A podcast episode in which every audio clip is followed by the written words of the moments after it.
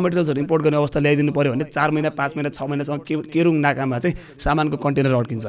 भन्सारमा पैसा तिरेन भने सामान आउँदा पनि आउँदैन। र त्यो पनि छोडिदिनुहोस् एक्सेस टु क्यापिटल छैन। होइन? सो एउटा अन्टरप्रिनरले कति दिनसम्म चाहिँ घर जग्गा बन्दकी राखेर हुन्छ नि खल्तीबाट पैसा हालेर बिजनेस गर्ने? होइन फाइनेन्सियल इन्सुरेन्सहरूले त यहाँ अन्टरप्रिनर्सहरूलाई केही पनि गरेको छैन सरकारले केही पनि गर्न सकेको छैन। त्यो पनि छोडिदिनुहोस् एक्सेस टु मार्केट पनि छैन कि। होइन सो सामान कहाँ लगेर बेच्नु? ल इन्टरनेसनल मार्केट त छोडिदिनुहोस् होइन। नेपालभित्रको स्पेस त दिनु पऱ्यो नि त हामीलाई। हामीलाई प्रोटेक्ट गरिदिने कि नगर्ने? होइन हामीलाई ग्लोबली कम्पिटेटिभ प्रडक्ट बनाउँछौँ। होइन तर एक्सेस टु मार्केट दिनु पऱ्यो नि त। यहाँ त ट्रेडर्सहरूलाई प्रसय दिने खालको नीति बनाएको छ कि। उत्पादन गर्छु भन्दा मऱ्यो यहाँ मान्छे। उत्पादन गर्ने प्रायः जस्तो मान्छे ब्याङ्क्रप्ट हुन्छ। फ्याक्ट्रिजहरू यसै बन्द भएको होइन नि त। होइन? सो त्यो कुराहरू चाहिँ हामीले नीतिगत तहबाट सल्भ गर्न जरुरी छ कि? ट्रेडर ओरिएन्टेड नीति भइदियो कि? आन्टरप्रिनर ओरिएन्टेड नीति भइदिएन। सो यही यही यही खालको रिफ्लेक्सन छ मेरो चाहिँ। एजुकेसनको कुरा गर्नुभयो हाम्रो शिशिर दाईको एजेन्डामा पनि नम्बर वान एजेन्डा नै सबैको लागि गुणस्तरीय शिक्षा भन्नुभएको छ दाइले यो सबैको नर्मल्ली यो एजेन्डाको पेपर हेर्ने हो भने सबैजनाकोमा शिक्षा स्वास्थ्य शिक्षा स्वास्थ्य छ छ सबैजनाको छ कि? तर वाट्स द एक्सन प्लान कसरी चाहिँ हाउ हेभ यु इन्भिजन्ड गुणस्तरीय शिक्षा नेपालमा? अब मेरो करियर पनि अब पछिल्लो दस वर्षभन्दा बढी नै म एजुकेसनमै काम गरेँ नि त। अब त्यो अर्थमा चाहिँ अब कस्तो छ भने नेपालको एजुकेसन अब एउटा चाहिँ एजुकेसन स्कुल एजुकेसन छ। अर्को चाहिँ फेरि विश्वविद्यालय युनिभर्सिटी एजुकेसनको कुरा छ। अब स्कुलको एजुकेसनको क्वालिटी पब्लिक स्कुलको एजुकेसनको क्वालिटी अन एभरेज एकदमै नराम्रो छ। तर पब्लिक स्कुलको साह्रै नै ध्वस्तै छ क्या अनि त्यसमा त्यो त्यसको फेरि त्यो चाहिँ पब्लिक स्कुल एजुकेसन एक्सेस गर्ने चाहिँ सबभन्दा नेपालको गरिब केटाकेटीहरू हुन्छ। सामाजिक र आर्थिक हिसाबले एकदमै गरिब परिवारको केटाकेटीहरू मात्रै हुन्छ। अनि त्यसपछि प्राइभेट एजुकेसन पनि फन्डामेन्टली एकदमै राम्रो छैन। ग्लोबली कम्पेरिटिभ खासै होइन। तर खालि प्राइ पब्लिकभन्दा अलिकति बेटर भएको भएर बेटर मान्छौँ हामी होइन। जस्तै युनिभर्सिटी एजुकेसन पनि त्यति राम्रो छैन होइन? त्यो अर्थमा चाहिँ हामी धेरै नेपालीहरू प्लस टू पछि किन विदेश जानु? म आफै पनि गएर फर्केको मान्छे हो होइन? त्यसले गर्दा किन चाहन्छौँ भने त्यो access to quality education university education जो अघि सुरजले भन्दै त हामीले युनिभर्सिटी एक्सपिरियन्सै गर्न पाएको छैन भन्ने कुराहरू चाहिँ पाउनको लागि पनि हामी त्यो गरिराखेका हुन्छौँ। अब एक्स अब त्यो त्यो बुझाइबाट हामीले अब एजु स्कुल एजुकेसन फन्डामेन्टली रिफर्म गर्नुपर्छ भन्ने छ क्या। अब एउटा चाहिँ के छ भने नेपालमा पछिल्लो पचास वर्षमा धेरै ठुला परिवर्तनहरू भइसके होइन? अब सङ्घीयतामा देश गएको छ। तर एउटा चाहिँ फन्डामेन्टल स्टार्ट नै कहाँबाट गर्नुपर्ने छ नेपाललाई एजुकेसनलाई गभर्न गर्ने एजुकेसन एक्ट दुई हजार अठाइस सालको छ पञ्चायतकालीन छ।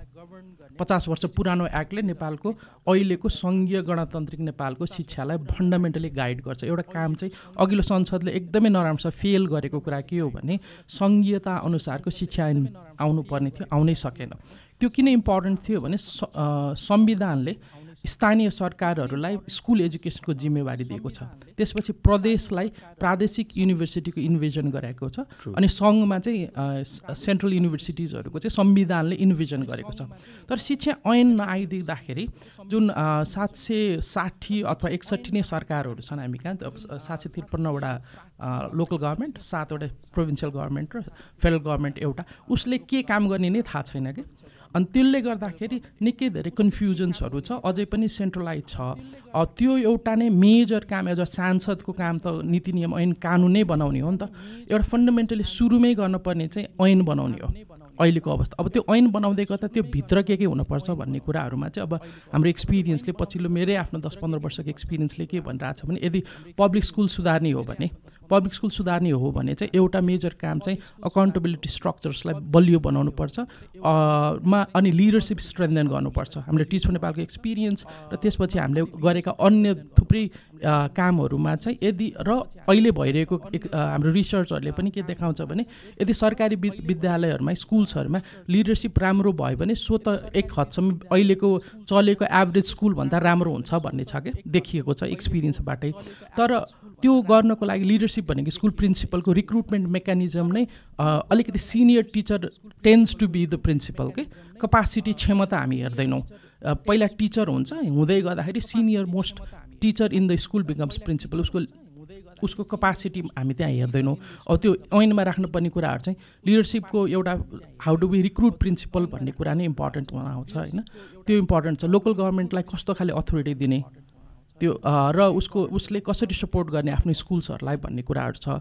अब रिक्रुटमेन्टकै कुरा टिचर रिक्रुटमेन्ट क्वालिटी मान्छेहरूलाई कसरी टिचिङ फोर्समा लगाउने? टिच नेपालले त्यो एउटा एभिडेन्स नै दिएको छ क्या तर त्यो चाहिँ मन्त्रालयले त्यो कुरा प्लान गर्यो दुई अरब तिन वर्ष अगाडि छुट्यायो तर त्यसमा कानुन सम्मत नभएर उसले इम्प्लिमेन्टै गर्न सकेन कि। किनभने अगेन यो कन्फ्युजनमा टिचर कसले रिक्रुट गर्ने त अब? स्कुल संविधानले स्कुलको प्राइमेरी रेस्पोन्सिबिलिटी स्थानीय सरकार हो भन्छ? अनि तर मन्त्रालयले बजेट छुट्याएर रिक्रुट डिरेक्टली गर्न पाउने कि नपाउने? त्यस्ता अस्पष्टताहरूको कारणले गर्दा दुई अरबको पैसा छुट्याउँदा पनि उहाँहरूले केही पनि गर्न सक्नु भएन। भनेपछि त्यो कुराहरूमा चाहिँ हामीले एकदमै पहिला काम गर्नुपर्ने बेसिक चिजहरू फेरि these are fundamentals to improve education हो कि टिचर क्वालिटी इम्प्रुभ हुनु पऱ्यो हेड टिचर्सहरू अथवा स्कुल म्यानेजमेन्ट इम्प्रुभ हुनु पऱ्यो अर्को एकदमै महत्त्वपूर्ण एकाउन्टेबिलिटी स्ट्रक्चरसँग मैले देखेको चाहिँ पोलिटिक्स एकदमै धेरै गाँजे माझे भएको छ क्या हाम्रो कम्युनिटीमा स्कुलको व्यवस्थापन समिति बन्दै गर्दा पनि मैले पार्टीहरूमा भागभन्डा भएको देखेको छु। त्यो जतिजना छान्न पर्छ उहाँहरूलाई कति भाग लगाउने भनेपछि त्यो अकाउन्टेबिलिटी क्रिएटै गर्न सक्दो रहेछ कि करेन्ट स्ट्रक्चरले करेन्ट पार्टी मेकानिजमको करेन्ट पोलिटिकल लिडर्सहरूले त्यो पनि हामीले डिसइन्ट्यागल गर्नुपर्छ अबको कानुनहरूमा। त्यस्तो कुराहरूमा चाहिँ एकदमै इम्पोर्टेन्ट त्यो चाहिँ fundamental that is what where we'd would start त्यसपछि फेरि करिकुलमका कुराहरू छन् पेडागोजीका कुराहरू छन् त्यसमा फेरि प्रशस्त कामहरू फेरि थप कामहरू चाहिँ त्यहाँ गर्नुपर्ने छ अनि त्यस्तै गरी युनिभर्सिटी एजुकेसन पनि एकदमै बढी राजनैतिक नियुक्ति हुने भएको भएर त्यहाँ फेरि एकदमै होइन अब हाम्रो टियु हुने सबभन्दा largest university almost ninety percent नेपालको विद्यार्थी टियुको सिस्टम्सभित्र पढ्छ। तर दुई वर्षसम्म रिजल्ट पनि हुँदैन कि? त्यसको जिम्मेवारी को त? एउटा विद्यार्थीको दुई वर्षसम्म रिजल्ट अथवा जाँच नहुँदै गर्दाखेरि त्यसको रेस्पोन्सिबिलिटी लिने केही पनि मेकानिजम छैन। त्यसलाई पनि अहिलेको जस्तै प्रधानमन्त्री कुलपति हुने शिक्षा मन्त्री सहकुलपति हुने त्यस्तो मेकानिजमहरूबाट छुट्याएर इन्डिपेन्डेन्ट इन्स्टिट्युसन्सहरू हामीले बिल्ड गर्नुपर्ने छ। त्यो त्यो पनि फेरि युनिभर्सिटीहरू अहिले फेरि अगेन संसदको काम कानुन बनाउने भएको भएर छुट्टै युनिभर्सिटीलाई गाइड गर्ने ऐनै छैन नेपालमा। टियुको आफ्नै ऐन हो केयुको आफ्नै ऐन हो पूर्वाञ्चलको आफ्नै ऐन छ। अरू कुनै खाले विश्वविद्यालयको खोल्ने खाले ऐन नै छैन। त्यो त्यस्तो खाले ऐनहरूमा पनि सांसदले काम गर्नुपर्ने छ कि? हो त्यस्तो फन्डामेन्ट अगेन यो आफैमा ऐन आफैले सुधार्ने चाहिँ होइन तर हामी कहाँ फन्डामेन्टल्स नै ल्याएको छ कि? त्यसमा टेकेर अगाडि बढ्ने हो नि त। सो फर्स्ट भनेको फर्स्ट प्रायोरिटी चाहिँ ती फन्डामेन्टल्सहरूबाट सुरु गर्नुपर्छ भन्ने हो। मैले यतापट्टि हेर्दाखेरि होइन एउटा एउटा चिज के भेट्यो भन्दाखेरि मेजर एजेन्डाजहरू चाहिँ मिडल क्लास अनि उद्यमशीलतालाई प्रोत्साहन गर्ने खालको निम्नवर्गीयको लागि के छ तपाईँहरूको एजेन्डामा? नर्मल्ली जस्तै निम्नवर्गीय मान्छेहरूले प्रब्लली यो पडकास्ट हेर्न पनि पाउँदैन होला कि? तर यो निम्नवर्गीय फ्यामिली निम्नवर्गीय परिवारमा भएका बच्चाहरूको लागि चाहिँ यो उनीहरूको अपलिफ्टमेन्टको लागि चाहिँ के छ? आई थिङ्क इट्स एजुकेसन जस्तो लाग्छ मलाई अहिलेको लागि चाहिँ होइन? किन भन्दाखेरि दाइले राइटली पोइन्ट आउट गर्नुभयो नि सो जति पनि सामुदायिक विद्यालयमा पढ्ने विद्यार्थीहरू हुनुहुन्छ सबैजना प्रायः जसो निम्न निम्न वर्गको फ्यामिलीबाट हुनुहुन्छ। मेरो आफ्नै क्षेत्रमा पनि चारवटा सामुदायिक स्कुल छ होइन? सरकारले फन्ड गरे लोकल गभर्मेन्टले फन्ड गर्ने चारवटा सामुदायिक स्कुल छ जहाँ चाहिँ लोकल पपुलेसनको भोटिङ पपुलेसनको मान्छे बच्चाहरू चाहिँ त्यहाँ पढ्दैन किनभने अलिकति पस एरिया छ होइन? सो त्यहाँ पढ्ने भने चाहिँ त्यो घरमा काम गर्ने बच्चाहरू। र अथवा त्यो घरमा काम गर्ने फ्यामिलिजको बच्चाहरूको अथवा स्ट्रिट भेन्डर्सहरूको अथवा एकदमै हुन्छ नि लोवर स्पेक्ट्रम अफ द सोसाइटीबाट आउनु भएको मान्छेहरूको छोराछोरीहरू पढ्नुहुन्छ होइन? सो मलाई चाहिँ के लाग्छ भन्दाखेरि हामीले एजुकेसनमा चाहिँ कहिलेकाहीँ लेभल प्लेइङ फिल्ड चाहिँ बनाइदिनुपर्छ जस्तो लाग्छ सबैजनालाई। होइन? सो कसैले चाहिँ एकदम राम्रो एजुकेसन पाउने राम्रो इङ्ग्लिस बोल्न सक्ने उसलाई लाइफ स्किल्सहरू पनि बवाल बवाल दिइदिने तर लोवर स्पेक्ट्रममा बस्नु भएको फ्यामिलीजको बच्चाहरूले चाहिँ त्यो सबै कुराहरू डिप्राइभ हुनुपर्ने। सो के भइदियो भन्दाखेरि कसैले चाहिँ हेड स्टार्ट पाइदियो क्या मजाले होइन? सो उहाँहरूले चाहिँ हेड स्टार्ट पाउन कहिले पनि सक्नु भएन। सो उहाँ जहिले पनि पछाडि परेको परे परेको परे परेको परे त्यो साइकलबाट निस्किनै सक्नु भएन कि कहिले पनि होइन? जब कि अब हुन्छ नि अलिकति higher society higher class society सोसाइटीबाट अथवा मिडल क्लासबाट आउने मान्छेहरू चाहिँ माथि गएको गए गएको गए गएको गए भइदियो होइन? सो आई थिङ्क एजुकेसन नै हो। जस्तो लाग्छ मलाई पनि एकदम धेरै ठुलो कुरा चाहिँ होइन? त्यो बाहेक उद्यमशीलता कुराले नै हेल्प गर्छ। किन भन्दाखेरि अहिले मिडल क्लास र lower class spectrum of the सोसाइटीबाट आउनु भएको मान्छेहरूले नेपालमा बिजनेस स्टार्ट गर्ने हिम्मत गर्न सक्नुहुन्न। किन भन्दाखेरि अप्पर क्लासको मान्छेहरूले अलिकति पैसा भएको अलिकति पावर कनेक्सन्स भएको मान्छेहरूले त जसरी नै ह्यान्डल गरिहाल्छ। तोडमोड गरेर पनि गर्छ क्या बिजनेस यहाँ। हामीले देखाएको छौँ त इक्जाम्पल्सहरू त नीति नै तोडमोड भएर पनि हामीले यहाँ कतिपय कर्पोरेट हाउसेसहरू प्रोटेक्ट भएको देखाएको छौँ होइन? तर त्यहाँ तलको मान्छेहरूले यहाँ कतिपय corporate sorry so sorry about that so त्यहाँ त्यो तलको स्पेक्ट्रमको मान्छेले चाहिँ होइन सो त्यो ह्यासलमा रहनै सक्दैन कि त्यो? हुन्छ नि उसले बिजनेस स्टार्ट कहिले गर्ने कसरी गर्ने उसँग त्यो क्यापिटल पनि हुँदैन त्यो रिस्क टेकिङ अबिलिटी पनि हुँदैन कि? सो हामीले चाहिँ एउटा के कुरा क्रिएट गरिदिन पर्छ जस्तो लाग्छ मलाई भन्दाखेरि चाहिँ नीति नियम तहबाट चाहिँ यदि कसैले बिजनेस स्टार्ट गर्न चाहन्छ भने चाहिँ होइन उसलाई चाहिँ एटलिस्ट हेड स्टार्ट गर्न सक्ने क्यापेसिटी चाहिँ हामीले उनीहरूमा इन्फोर्स गरिदिन सक्नु पऱ्यो कि? चाहे त्यो फाइनेन्सियल एक्सेसको कुरा होस् मार्केटको एक्सेसको कुरा होस् होइन अथवा गभर्मेन्टले गर्ने मार्केट प्रोटेक्सनको कुरा होस् होइन यो सबै कुरामा चाहिँ हामीले अगाडि बढाइदिनुपर्छ जस्तो लाग्छ। आज तपाईँले हेर्नुभयो भने अलिकति पैसा भयो भने पैसा भएको मान्छेले राम्ररी बिजनेस स्टार्ट गरेर मजाले पैसा कमाउनु सक्छ। अब स्ट्रिट भेन्डर्सहरूको इस्यु आएको छ एकदम धेरै होइन उहाँहरूले रेजिस्टर गर्न पनि सक्नु हुँदैन कि? व्यापार राम्रै हुन्छ तर रेजिस्टर पनि गर्न सक्नु हुँदैन कहाँ गएर गर्ने पनि थाहा छैन। होइन कसरी गर्ने पनि थाहा छैन होइन? अनि उहाँले यो हासल किन पर्ने बेकारमा? हुन्छ नि यो ठुला कुरा हो। हामीहरूले चाहिँ गर्न सक्ने अवस्था छ भनेर भन्नुभएको छ कि? सो एजुकेसन र गरी खान सक्ने वातावरण चाहिँ बनाइदियो भने आई थिङ्क बाँकी त उहाँहरूले आफैले गर्नुहुन्छ जस्तो लाग्छ मलाई। दाइलाई के लाग्छ? त्यसमा अलिकति सिमिलर तर अब एजुकेसन त fundamentally that's what I work यति लामो समयदेखि नै होइन? किनभने एजुकेसन चाहिँ अल्टिमेटली लाइफको आउटकमसँग डिरेक्टली जोडिएको कुरा हो नि त। त्यसले गर्दाखेरि जबसम्म जुन दुई तहको हाम्रो शिक्षा छ अब त तिन चार तह हुन लागिसक्यो किनभने अब रातो बङ्गला युलेन्स जस्तो स्कुल्सहरू पनि अब प्रिमियर एकदमै प्रिमियम क्लासलाई एक्सेस गर्ने स्कुल्सहरू पनि छ।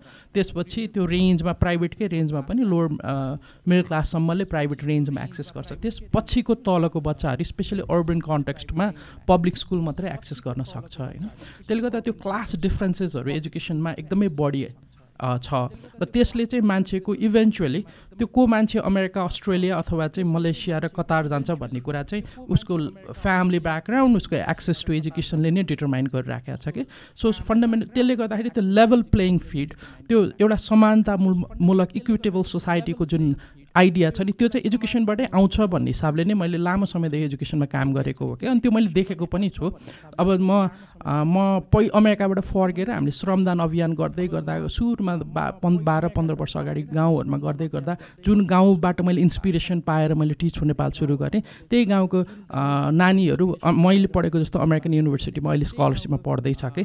आइभ सिन एउटा इन्डिभिजुअलको life outcome change in over last ten years के।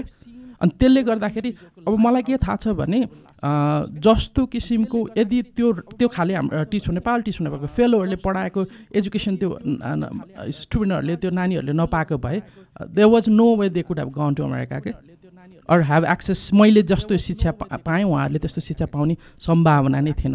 तर त्यो पाइदिए पाउने भए बित्तिकै अब उहाँको नेक्स्ट जेनेरेसन पनि चेन्ज हुन्छ कि? उहाँको लाइफ मात्रै होइन उहाँको नेक्स्ट जेनेरेसन पनि चेन्ज हुन्छ। अब उहाँको सन्ततिहरू पनि चेन्ज हुँदै जान्छ। किनभने they now have better access to other up opportunity Nepal होस् नेपाल बाहिर होस्। त्यसले गर्दा फन्डामेन्टली एउटा चाहिँ हाउ डु वी क्रिएट त्यो एजुकेसन यस्तो होस् कि सबै मान्छेले सिमिलर पाओस्? होइन? त्यो एउटा कुरा छ। अर्को चाहिँ रोजगारी सृजनासँग सम्बन्धित कुरा छ कि? अब जस्तै म लजिस्टिक कम्पनीमा काम गर्दै को फाउन्ड गरेर काम गर्दै गर्दाखेरि म त धेरै रिलेटिभली लो क्लास भनिएको वर्गसँग काम गर्छु नि त हाम्रो राइडर्सहरू त। अनि उहाँहरूसँग सबैजना मैले अनि it's very hard to retain के? अनि किनभने most are going abroad mostly to Middle East अथवा मलेसिया जस्तो देशहरूमा जाने प्रयासमा हुन्छ धेरैजना यङ हुन्छ यङ मेलहरू। अनि कति रुपियाँ कमाउनु भयो भने नेपाल बस्नुहुन्छ भनेर मैले सोधेको छु कि? अनि धेरैको भनेको तिसदेखि पैँतिस हजार भए बस्छु भन्छ कि? So now question is how do we create अब आजको दिनमा as an entrepreneur it's very hard for me to pay तिस टु पैँतिस हजार रुपियाँ because as a logistic company I have to charge less than hundred rupees to be त्यो बिजनेसमा competitive होइन? अब त्यो चार्ज गरेर मैले तिस पैँतिस हजार पुर्याउनको लागि इमिडिएटली सक्दैन।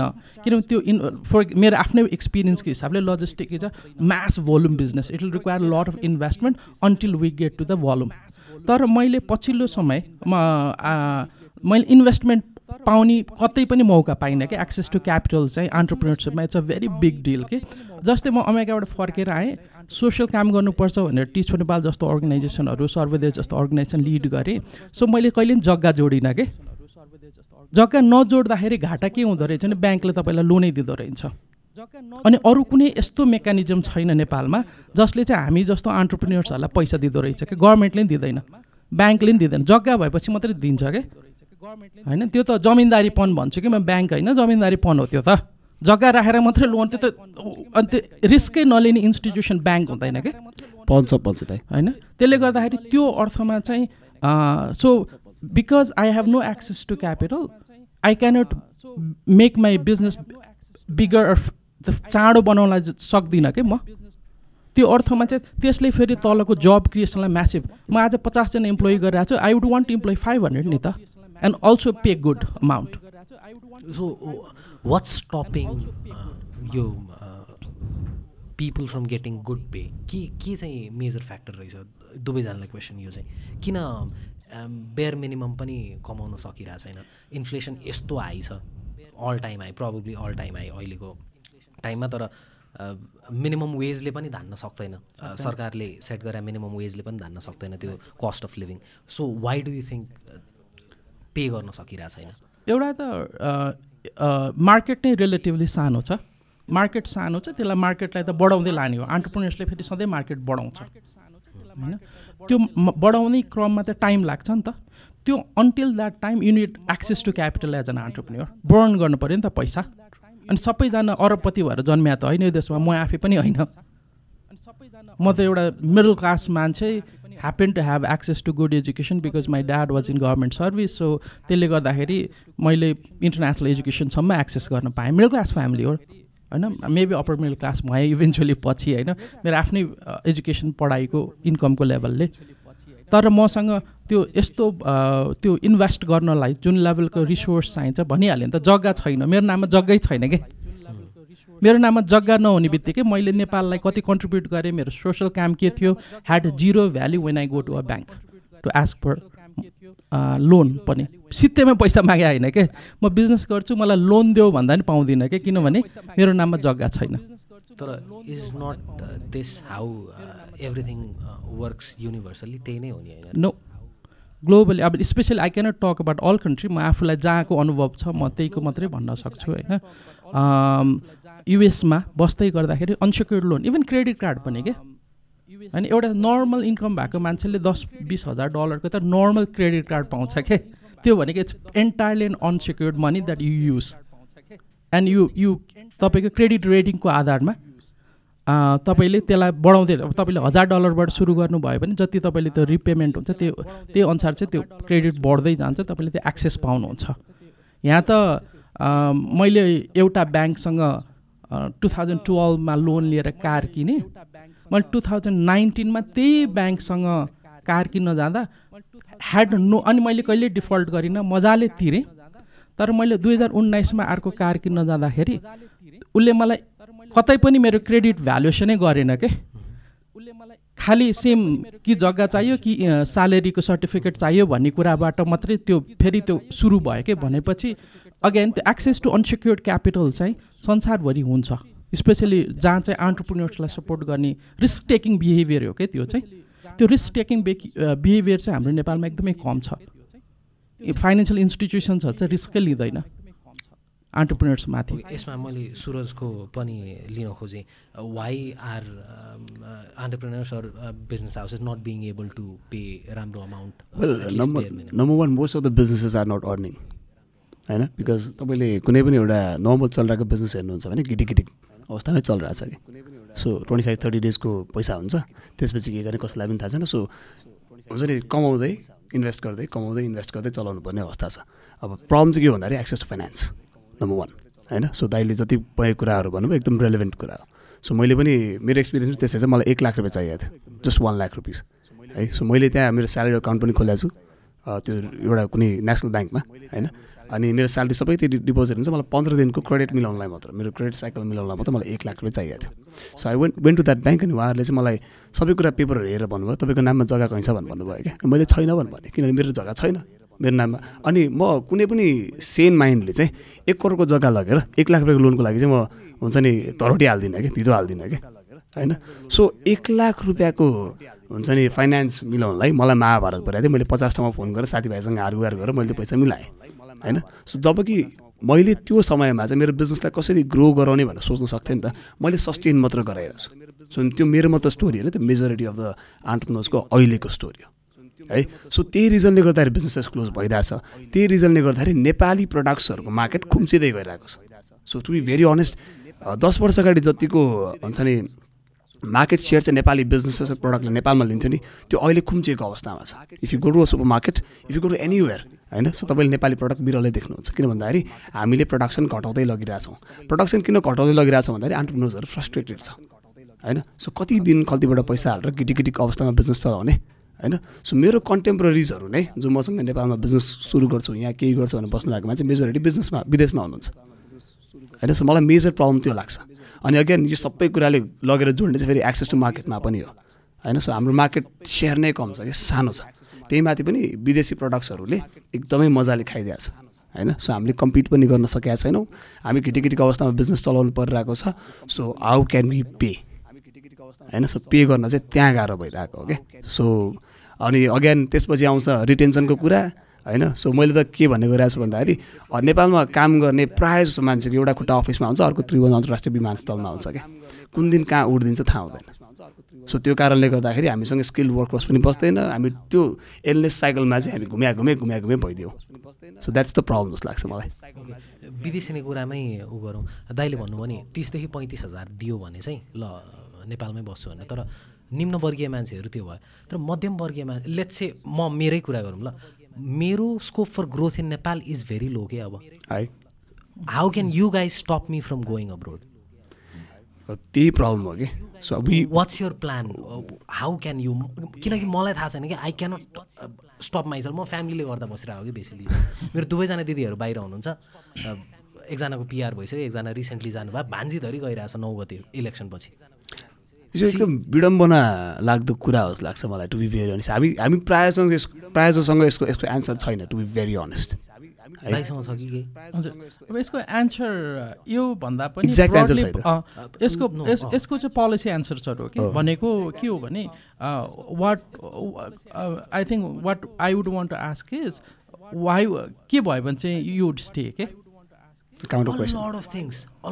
लाइक लाइक फ्यामिलीको मेन्टालिटीदेखि लिएर इन्कम त लास्ट थिङ हो कि मलाई। आई थिङ्क आइम अर्निङ ठिक्क। I can sustain me myself as well as family म सोल ब्रेड विनर भएँ बाई चान्स फ्यामिलीको भन्यो भने I can sustain myself and my family मजाले इजिली तर युसी धेरै चिजहरू फ्याक्टर गर्दो रहेछ क्या त्यो कुरामा। मान्छेहरूको मेन्टालिटीदेखि लिएर। मलाई मेजर चिज भने पोल्युसन हो कि यहाँ। सी मेरो भान्जी जन्म्यो होइन। आई विस्ट उतै जन्म्या भयो हुन्थ्यो कि? किनकि यो यो हावा ब्रिथ गरिराख्नु पर्दैन थियो कि? त्यो त्यो- सानो बच्चालाई कि? See a lot of things के? यो त दुई तिनवटा सानो कुराहरू भयो। अब मेरो growth for स्को scope for growth नै कुरा गर्ने हो भने मेरो ग्रोथको लागि स्कोपै छैन कि? अब मैले देखेकै छैन कि यहाँ। केही पनि नै देखाएको छैन। सो त्यही रिजन्सहरू अब पाइलअप हुँदै पाइलअप हुँदै एकचोटि बर्स्ट हुँदो रहेछ कि त्यो कुरा आई थिङ्क इट्स पोलिसी नै। सो रोड किन बनाएको छैन? पल्युसनको मेजर सोर्स रोड हो अहिलेको लागि। यहाँको हरिबल रोड्सहरू होइन? सो रोड किन बनाएको छैन? सो नम्बर वान समन्वय भइरहेको छैन। सो रोड कसले बनाउने? हामीलाई पनि थाहा छैन। टु बी भेरी अनेस्ट म हजुरलाई सोध्छु रोड कसले बनाउने? सडक विभागले बनाउने? महानगरपालिकाले बनाउने? प्रदेश सरकारले बनाउने? कसले बनाउने? होइन? कुनै रोड चाहिँ लेयरमाथि लेयर पिच भइरहेछ। त्यहाँबाट पचास मिटर भित्र जानुभयो भने त्यहाँ अर्को अर्को पटल हुन्छ। होइन? सो समन्वय छैन। सो त्यो चाहिँ फेरि अगेन समन्वय ल्याउने भने चाहिँ फेरि पोलिसीले नै हो। होइन? सो हाम्रो कन्स्टिट्युसनले स्थानीय सरकार प्रदेश सरकार सङ्घ सरकार तिनटैलाई परिधि तोकेर आफ्नो रेस्पेक्टिभ कार्यक्षेत्रहरू तोकिदिएको छ होइन? त्यो कार्यक्षेत्रभित्र बसेर हामीले आफ्नो रेस्पेक्टिभ रोल्स एन्ड रेस्पोन्सिबिलिटिज डिफाइनै गर्न सकेका छैनौँ कि? होइन? सो महानगरपालिकाले कुन लेभलको रोड बनाउने? प्रदेश सरकारले त्यसमा के गर्ने? बनाउने कि? होइन? त्यसलाई मर्मसमार गरिदिने कि? बनाउँदै नबनाउने कि? होइन? सो सङ्घ सरकारले के गरिदिने? कुन लेभलको बनाउने? हाइवेज बनाउने कि? होइन? सो यो कुराहरू थाहा हुनु पऱ्यो कि? यहाँ चाहिँ पैसा खन्याएको ठाउँमा चाहिँ खन्याएको खनाइ छ। होइन? जहाँको चाहिँ एक्चुअल निड छ नि त्यहाँ पैसा खनाउन सकेको छैन। अगेन यो काम चाहिँ गरेर हो फेरि। तर क्लियर डिरेक्सन फ्रम पोलिसी नभएको कारणले गर्दा जस्तो लाग्छ मलाई। होइन? त्य- त्यसमा अलिकति एड गरिहालेँ। कस्तो छ भने अब त्यो लेयर मिडल क्लास मान्छेको हाम्रो आस्पिरेसन के हो भने हाम्रो डे टु डे लाइफ चाहिँ मजाले चलोस् हो क्या? घरमा पानी आओस् होइन बाटो खाल्टाखुल्टी नहोस् धुलो नहोस् सर्र गाडीमा point A to point B मजाले जान पाऊँ।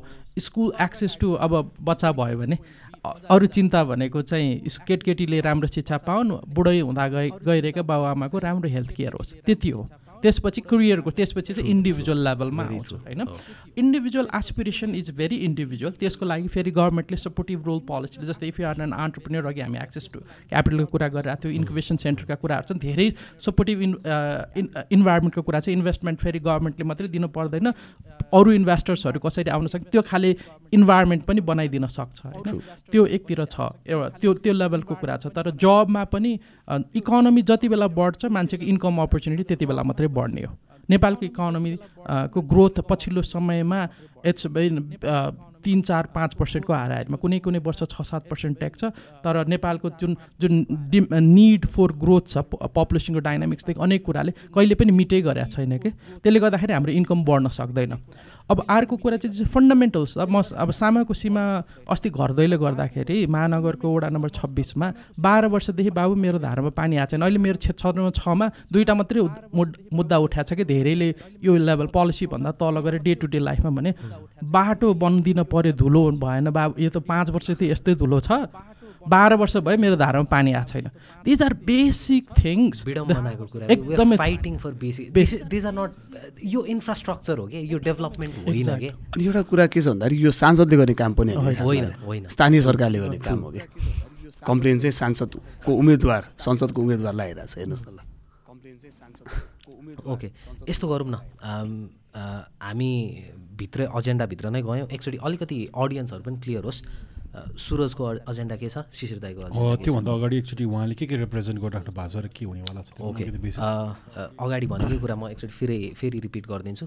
हामीसँग दुईजना इलेक्सन क्यान्डिडेट्सहरू हुन्छ। हुनुहुन्छ सुरज राज पाण्डे काठमाडौँ क्षेत्र नम्बर एक खबाट उठिरहनु भएको छ प्रदेश सभाको लागि। अनि त्यसपछि हामीसँग शिशिर प्रदेश सभा भनेको ओके यो यो यो चिज पनि एकचोटि क्लियर गरौँ हामीसँग प्रदेश सभाको क्यान्डिडेट एकदमै नेसेसरी छ है। सो आइम भेरी ह्याप्पी यो यो क्वेसन रेज भयो होइन। किन भन्दाखेरि मान्छेले धेरै जसलाई थाहा नै छैन। प्रदेश सभा भने के हो भनेर बागमती प्रदेश भन्ने पनि छ र भन्ने। वाला क्वेसन पनि कहिलेकाहीँ चाहिँ आइदिन्छ है। भेरी स्याड थिङ होइन? सो बागमती प्रदेश प्रदेश चाहिँ अब यो सातवटा प्रदेश छ नेपालमा होइन? सो सातवटा प्रदेशमध्ये एउटा प्रदेश बागमती प्रदेश हो। सो यो चाहिँ मोस्टली समन्वयकारी भूमिकाको लागि र एकदम फोकस्ड हुन्छ नि जियोग्राफिक्स जियोग्राफी र डेमोग्राफी सेन्ट्रिक फोकस्ड ग्रोथको लागि इन्भेजन गरिया निकाय स्ट्रक्चर हो। यो संहितामा गइसकेपछि हामीले होइन सो स्वास्थ्यको कुरा शिक्षाको कुरा पूर्वाधार विकासमा समन्वयको कुरादेखि लिएर बेसिक कुराहरू हुन्छ नि सानसानो उद्योग धन्दा व्यवसाय सञ्चालन गर्ने कुराहरूदेखि लिएर सबै कुराहरूमा नीति नियम बनाउने एकदमै जियोग्राफिक र डेमोग्राफिक सेन्ट्रिक है। इट इट इट यो यो प्रदेशहरू चाहिँ फेरि के छ भन्दाखेरि कर्णालीले छुट्टै खालको बनाउन सक्छ बागमतीले छुट्टै खालको बनाउँछ आफ्नो क्षेत्रभित्र पर्ने आफ्नो पपुलेसनलाई एकदमै रेलेभेन्ट होइन हुन्छ नि कामहरू गर्ने खालको चाहिँ यो निकाय हो होइन। सो यो चाहिँ सङ्घ सरकार सङ्घ सरकार नेपाल सरकारभन्दा एक स्थल तल रहेर र स्थानीय सरकारभन्दा माथि रहेर काम गर्ने खालको एउटा निकाय हो यो एउटा संस्था हो होइन। So that's more about it अहिलेको लागि चाहिँ त्यही नै हो। बेसिक कामहरू यस्तै यस्तै रहेछ ल। त्यसपछि हामीसँग हुनुहुन्छ शिशिर खनाल काठमाडौँ क्षेत्र नम्बर छबाट उठिरहनु भएको छ। राष्ट्रिय स्वतन्त्र पार्टी प्रतिनिधि निधि सभाको उम्मेदवार हुनुहुन्छ उहाँ चाहिँ। एउटा एउटा क्वेसन सोधिहालेँ ल शिशिर दाईलाई। वाइ राष्ट्रिय स्वतन्त्र पार्टी? अहिले नेपालमा अब दुई तिन तिन चारवटा मेजर पार्टिजहरूको मनोपली जस्तो छ होइन गुटबन्दी छ। अनि उहाँ पछिल्लो समयको तिस वर्षको पोलिटिक्स उहाँहरूले नै नेतृत्व गर्नुभएको तर उहाँले डेलिभरी दिन सक्नु भएन। मैले के भन्ने गरेको छु भने अब हामी कहाँ ठुला ठुला व्यवस्था परिवर्तनका आन्दोलनहरू भए होइन? हामी संवैधानिक र छयालिस सालपछि मात्रै हेऱ्यो भने पनि संवैधानिक प्रजातन्त्रबाट गणतान्त्रिक लोकतन्त्र सङ् अझै सङ्घीयतासहितको गणतान्त्रिक लोकतन्त्रसम्म पुग्यो। त्यो बिचमा माओवादीका जनयुद्धका कुराहरू भए धेरै कुराहरू भए नि त। त्यो त्यो त्यो कुराहरूको नेतृत्व पार्टीहरूले गरे एक पोइन्टमा आए। तर जुन किसिमको अघि अघि जुन कुराहरू गर्दैथ्यौँ बाटोको कुरा पानीको कुरा शिक्षाको कुरा स्वास्थ्यको कुरा त्यो डेलिभरी गरिदिन पर्ने कुराहरूमा चाहिँ अटरली फेल भयो सिस्ट हाम्रो गभर्मेन्टहरू। अनि त्यो अवस्थामा हेर्दै गर्दाखेरि अब वैकल्पिक शक्ति चाहियो किन संसदको हाम्रो अहिलेको मेकअप के छ भने प्योरली इन्डिपेन्डेन्ट मान्छे मात्रै भन्दा पनि हामीसँग समानुपातिक भोट फोर्टी पर्सेन्ट चाहिँ एक सय पैँसठी चाहिँ डिरेक्टली इलेक्ट हुन्छ। एक सय दस दुई सय पचहत्तरमा एक सय दस चाहिँ समानुपातिक मतबाट आउँछ। त्यो एक सय दस आउने सिट चाहिँ पार्टीलाई नै भोट हाल्नुपर्छ कि? व्यक्तिलाई हालेको भोटले केही पनि माने राख्दैन अर्थ राख्दैन। त्यो भएपछि अब अहिलेको अवस्थामा यो ठुलो दलहरू को बिचमा एउटा वैकल्पिक शक्ति आउनु पर्यो। त्यो वैकल्पिक शक्ति केही न केहीमा सङ्गठित हुनुपर्ने भएको भएर सबै लाइक माइन्डेड हामी जो चाहिँ एक पोइन्टमा स्वतन्त्रै उम्मेदवार हुन्छु भनेर अगाडि आएका केही मान्छेहरू चाहिँ वी फाल्ट द्याट यो आफ्नो विचारसँग मिल्ने एउटा राजनीतिक फोर्स चाहिँ राष्ट्रिय स्वतन्त्र पार्टीको रूपमा आयो चार महिना अगाडि। अनि त्यसमा नै हामी सङ्गठित हुन खोजेको अहिले चाहिँ। ओके यसैमा मैले सुरजलाई क्वेसन सोधेँ। सङ्गठित हुनु राम्रो होइन र के धेरै राम्रो हो नि। खासमा त एकदम बवाल हुनैपर्छ जस्तो लाग्छ मलाई। दलीय व्यवस्थामा निर्दलीय मान्छेले खासै धेरै काम गर्न सक्दैन। मेरो भोइस त संसदमा गएर दबाइदिन्छ मान्छेले टु बी भेरी अनेस्ट तर प्रब्लम के भइदियो भन्दाखेरि मैले रङ भेहिकल समात्नु भएन कि। सो मेरो डेस्टिनेसन पुग्नुपर्ने चाहिँ म डडेलधुरा तर म पुगिरहेको छु इलाम। होइन? सो मेरो भेहिकलले मलाई इलाम पुऱ्याउँछ भने म त्यो भेहिकलमा चढ्नु हुँदैन। सो अहिले छब्बिस वर्षको मान्छे I'm twenty six very young है?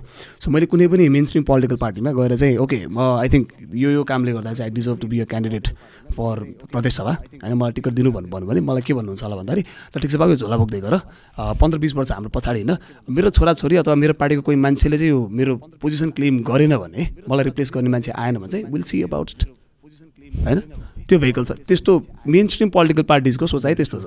होइन छब्बिस वर्षको मान्छेमा त बाह्रभुरी हामी भने त ढुङ्गा हान्ने मान्छे झोला बोक्ने मान्छे मात्र भन्ने छ नि त। सो त्यो गलत भेहिकल भयो त्यो।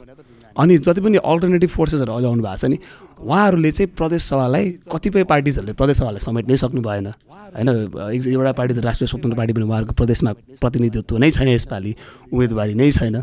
अनि अरू अलिकति हतार हतारमा आउनुभएको हुन्छ नि पार्टिजहरू हुनुहुन्छ जति पनि। अभियानहरू हुनुहुन्छ। उहाँहरूको पनि मलाई अलिकति भेहिकल चाहिँ ठिक लागेन कि। सो बिच बिचमा कन्ट्रोभर्सी धेरै आइदियो नि त। सो म कन्ट्रोभर्सीमा बसेर ब्यागेज बोक्नुभन्दा चाहिँ म आफ्नो एजेन्डा र मेरो भोटरको एजेन्डालाई चाहिँ सबैभन्दा माथि राखेर म इन्डिपेन्डेन्टली जान्छु भनेर चाहिँ आएको सो यसमा पनि अब के छ भन्दाखेरि चाहिँ आइएम एक्चुली नट हुन्छ नि अलोन सो हामी विभिन्न सङ्गठनमा रहे पनि विभिन्न ठाउँबाट छुट्टै छुट्टै तवरले छुट्टै छुट्टै ब्यानर्स र हुन्छ नि चुनाव चिन्हमा लडिरहँदाखेरि पनि हाम्रो कतिपय एजेन्डाजहरू ओभरल्यापिङ छ। शिशिर दाई यहीँ हुनुहुन्छ। शिक्षा कुरामा हाम्रो एजेन्डाज ओभरल्यापिङ छ। सो भोलि शिशिर दाई र म प्रदेश सभा र प्रदेश सभा जाँदाखेरि चाहिँ हामीले कलेक्टिभ रूपमा चाहिँ हुन्छ नि हाम्रो एजेन्डाजहरूमा काम गर्न सक्छौँ। यस्तो उम्मेदवार धेरैजना हुनुहुन्छ हाम्रो सम्पर्कमा हुनुहुन्छ।